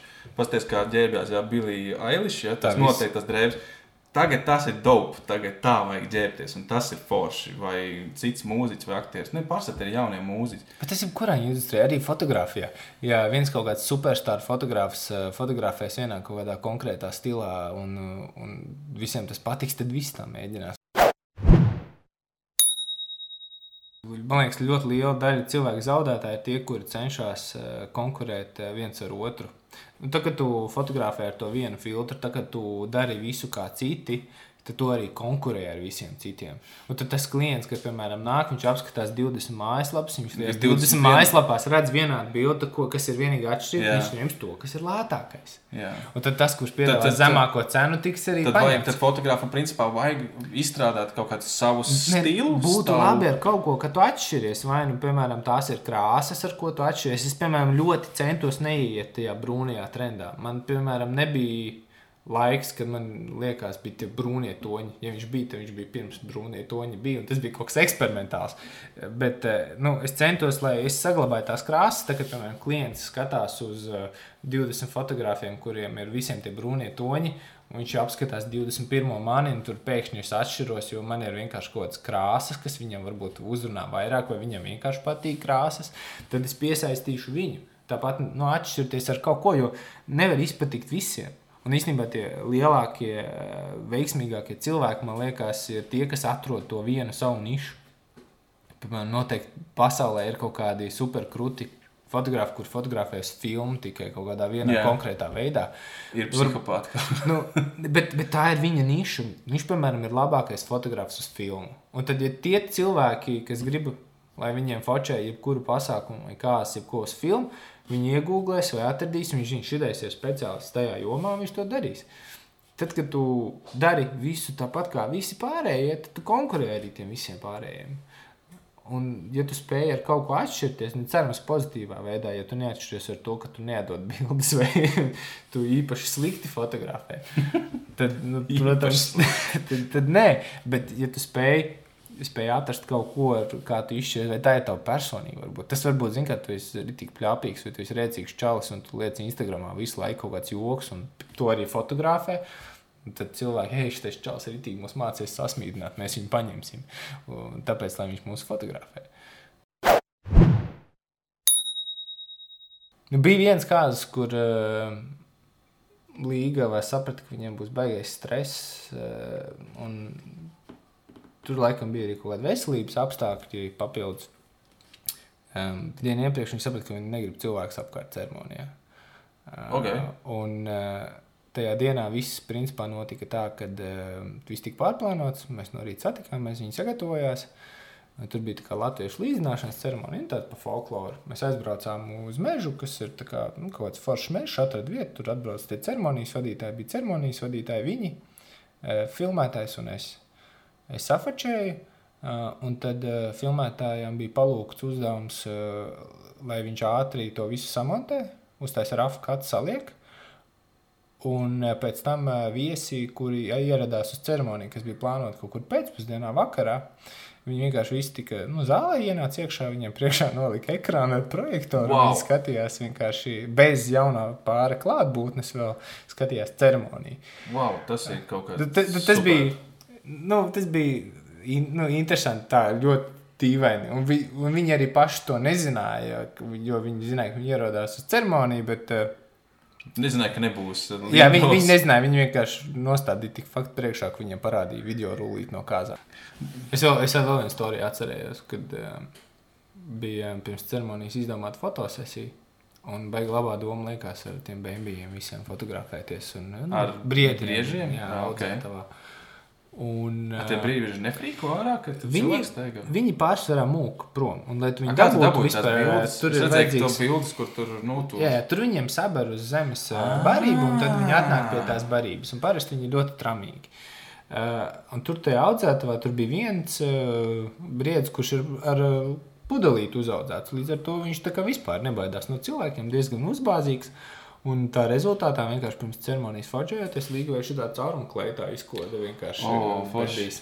Tajā brīdī man likās, ka būs tā kā viss. Jo, nu, kā, kleita tur ir izvēlēta, domāt, dārgu, nav vienkārši tev caurumu izkoša. Bet, nu, par laimi, tai līgai bija ļoti tāda laba attieksme. Un, ah, ok, viss būs kārtībā. Un beigās nemaz tik ļoti uzkrītoši nebija. jo Tur tas vairākās kārtās, tie kleitai ir tie pārklājumi. Bet, nu, tas, eh, Cilvēki bieži vien domā, ka būs tik skaisti un forši, bet nepadomā par kaut kādu blakus efektu. Tāpat, piemēram, gribu ar zirgiem fotografēties, būs tik romantiski, bet realitātē tas ir tā, tu nekad zirgi nesi sēdējis, tu esi pārbijies, tu esi tur sarāvies, un vēl ir divi cilvēki, kur ved tos zirgus, jo vienkārši nu, tu ne, nespēji kontrolēt viņu, tu tur nevari darīt tā dīvaini izskatās. Un tu fotošpā ņem nost tos strīķus vai vēl kaut ko, un viņi paši ir bailīgi, bet vienkārši neaizdomājas dažreiz par kaut ko ka jā, tur būtu baigi forši, bet neaizdomājies to soli tālāk. Spļauj ārā! Um, ja tu esi iesācies fotografēt, vai tu vienkārši gribi kaut kur aizbraukt, uh, ka tu tā kā nu, pārdod sevi. Ļoti bieži redz kaut kādas reklāmas, kad, uh, ja braucat uz turieni, es jums safačēšu pavēlti, un uh, es aizbraukšu tur līdzi. Nu, es viņus saprotu, varbūt tās nevar viņiem pārmest neko, kad jums gribās, protams, tas ir jūsu laiks un jūsu resursi, un jūs to varat darīt, kā jūs vēlaties. Bet uh, man patīk, ka novērtē manu darbu, un ka ja izvēlās mani tikai arī tāpēc, ka, nu, ka viņiem patīk tas, ko es daru, nevis tikai tāpēc, ka es to piedāvāju darīt bez maksas. Mm -hmm. Tas tāds uh, man šķiet novērtējums. Jo tomēr tas laiks, kas, piemēram, kas tiek patērēts, ja es varu aizbraukt uh, uz Sigūdu un nofočēt uh, piekdienā kārtas, es iespējams, kur arī vēl sestdienā nofotografēt vēl viens, tās ir divas. Lai es aizbrauktu kaut kādu Vāciju vai jebkuru citu vietu Eiropā, man vajag vismaz vienu dienu iepriekš būt, lai tas būtu plānojums, lai nu, aizkavēs lidmašīnu vai kas. Viss kaut kas var gadīties, tas vienu dienu iepriekš. Visa lidošana, pakošanās, tā ir ekstra domāšana, tie ir papildus izdevumi. Tad beigās eh, tu esi tajā dienā, tev vēl vajag viesnīcu kaut kādu, tev vēl palikšana. Beigās tas izvēršas par 3-4 dienu pasākumu, kad tu esi prom. Uh, tikpat labi varētu Latvijā vienkārši to izdarīt un mm -hmm. būt Latvijā. Un daži, dažreiz arī smieklīgi sanāk, ka tu Latvijā tā kā uh, raujies un uh, ej uz priekšu un kāp pa tādām kāpnēm uz augšu. Tu varbūt uh, tiec uz kaut kādām, nezinu, kāzām, kur ir lielāki budžeti, vairāk dekorācijas, šīkākas tur vietas. Un uh, bieži vien būsim atklāti tie ārzemju uh, cilvēki, kas ņem fotografu no Austrum Eiropas valstī, piemēram, Latvijas, viņi izvēlās viņu daļai dēļ cenas. Yeah. Un tad dažreiz eh, tu aizbrauc uz turieni, un tu nevienmēr esi eh, tajā šikākajā vietā vai tajā foršākajā. Jo viens no apsvērumiem bija, ka viņi tev izvēlējās, jo tu biji lētāks kā vietējais fotogrāfs. Un tad atkarībā bieži vien arī tas, kur tā vidi, kur tu atrodas un ko tu fotografē, nav varbūt tas, pie kā tu esi pieredzējis, vai tu varētu darīt Latvijā. Tāpēc tas tāds nu, nedaudz reality checks, ko es sapratu, ka nevienmēr tie destination vedīgi, kas ir tāds, ko gribās tiekties un braukt pa pasauli, vis kaut kur. Dažiem fotogrāfiem ir tas, ka viņi ir populāri un viņi, viņi tiek uz vilām, Itālijā, vēl kaut kur. Tas sanāk, bet ne visi tiek uz tām vilām. Kad, kad tas gala punkts ir vēl sliktāks nekā kaut ko fotografēt Latvijā. Nu, tāpēc, ka... tas ir, tā, tā ir iespējams arī. Nu, ir tāds ļoti liels tāds eh, romantizēšana ap jā, šo jā, jā. visu, kad tu brauc uz citurienu fotografēt, jā. bet man liekas, tur ļoti daudz kas paliek aizkadrā. Es dzirdēju arī to, ka, to, ka mm, ir not, nu, noteikumi, ka cilvēks nefotografē divreiz vienā un tajā pašā vietā. Ah, jā. Bet, nu, nu, kad, kad lokā... nu, Latvijā tas būtu nereāli. Nu, nu, šie... nu, tas Latvijā ir vienīgi neiespējami. Pasties, tajā mežā es jau biju. Tur es vairs neiešu. Nē, nu, Mums tās uh, svinību vietas un tās mūzikas, tās fotos, tas ir vispār tas... tik maz, piemēram, Nacionālā mākslas muzeja. Es tā kā zinu, kā savu kabatu. Es drīz jau. Muzeja. Tī, tur, tur, tur. Nu, kas ah, ir uz tām trepēm? Nu, uz trepēm muzejā tā ir tāda vieta, kas, piemēram, ir backup plāns, ir līstrīgā. Ah, kas okay. ir forša vieta. Tas ir laba gaisma. Nu, vienkārši tur ir skaists interjers, rundā, tur ir logi. Ne? Jā, bet no Rīgas uz Rundālu aizskriet ir bijis sarežģīti okay. pēdējā brīdī. Jā. Uh, tad dažreiz ir izaicinājums, ka tu esi tajā pašā vietā, tajā mākslas muzejā, kur tu esi, piemēram, 20 pāris fotografējis. Nu, labi, tik daudz ne, bet, nu, tu esi gan daudz jau fotografējis. Tad, uh, ir dažreiz tas kārdinājums, iet to vieglo ceļu. Uztaisīt to, kas ir droši un tāpat. Un dažreiz tas ir jāizdara. Jo pat ja man varbūt tās. Nu, Tev izaugsme. Man tā bilde, nu, tur neko nedos. Bet uh, viņiem tā bilde būs forša. Jā, tie būs viņi tajā bildē. Tas nekas, ka varbūt kādam citam būs tāda pati. Jo... Īstenībā. Es nezinu, nu, kā, kādas fotografijas industrija, nu, man šķiet, vismaz tajā ap, cilvēku lokā, kurā es esmu, ļoti mainījusies. Pēc tiem desmit gadiem, piemēram, kad es to daru, ir ļoti mainījusies. Ir cilvēki daudz vairāk piedomā, kā viņi dara, ko viņi dara, viņi vairāk plāno. Tā kā nu, attīstās. Un iespējams, protams, tas viss uzreiz arī paliek dārgāk, jo Kādreiz vienkārši nebija tās iespējas. Un, ja tā padomā, 20 gadu atpakaļ, kādas fotografija nozīmē, kad bija Džeks salonā. Tu aizbrauc jā. pie viņa salona, viņš to nolika pie fona. nostājies aiz Jā. sievai. Jā, tur bija rokas pleca vai šī tā konkrēti. Viņš, viņš nofočēja, un tur bija divas tādas bildes, divas tādas. Ja tev viņš aizgāja, jau nofočēja galdu, Nu, kā tas un vēl kaut kur. Tad un Mūsu mamām visiem tāds albumos ir Jā. tādi fočē. Tas, tas, tas tā ļoti mainījies, kas eh, pie mums tā kā vēl ir atnācis, ka var arī savādāk. No Nu, mums viss bija šī bišķiņa vēlāk. Bet tāpēc mēs neesam sliktāki. Spļauj ārā! Principā vispār tā kā varbūt arī- mazāk vispār. Es zinu, tas varētu būt novēlējums man pašam arī, bet arī citiem. Tā kā mazāk domāt, ko vispār citi par tevi domā, vai tādu, nu, um, give less fuck. nu, tā, kad mēģināt nekoncentrēties, ko viņš padomās, ja es darīšu tā vai tā. Un tāpat arī, kad plāno, kāds vienmēr ir spiediens no kaut kādiem vecākiem vai nevēlas, ka jādara šī tā, tas ir jādara. Nu, jūs pasākumus dariet, kā jūs vēlaties, tas ir jums. Un tad vienkārši mums visiem novēlējums, lai mēs varbūt nu, bišķiņi egoistiskāk esam. Nu, tādā ziņā, ka domā, Es- es te- es tev domā, domā arī, piekrītu. ar, arī par sevi. Ne tik daudz, lai vienmēr izpatiktu citiem, bet galvenais, lai tu pats esi Jā. laimīgs. Tāpēc, ja tu pats būsi priecīgs, tad arī Jā. tie cilvēki, kas tev apkārt, būs priecīgi. Tieši tā. Nu, super. Paldies, tad, kad tu piedalījies šajā, ka uzaicināji. Man nezinu, šajā pilotu sērijā. Nu, tad, tad viss. Nu, tad paldies visiem, kas noklausījās līdz beigām. Bet mēs jums, es jums došu keywordu. Mums vajag keywordu iedot tad tie cilvēki, kas noklausās līdz beigām. Viņiem kā balva, ka viņi var ierakstīt. Un tad mēs zinām, ah, tu esi, tu esi īsts čalis vai meitene. Ja tu līdz beigām, tad mums vajag keywordu. Mm, kā sauc tavu suni? Tā tagad suns. Freida. Freida. Nu, re, tu jūs varat visi ierakstīt. Um, vai nu, nezinu. Kāds bija likums? Kam? Freida likums bija. Nē, ir Freids, ir tas uh, psihologs, kurš tur uh, vai, uh, darbojās. Tad ir kaut- Darvina likums, man liekas, ko tu. Ok, nav svarīgi. Kaut ko ierakstīt par Freidu, tad mēs zināsim, ka tas noklausīsies par šo pirmo podkāstu sēriju. Un tiekamies nākošais, un mums jāuztais klapīt. 1, 2, 3. Nebija šķīpa. Man vēlreiz vēl 1, 2, 3. Kādam jāsaka? 3, 2, 1. 3, okay. 3 2, 1.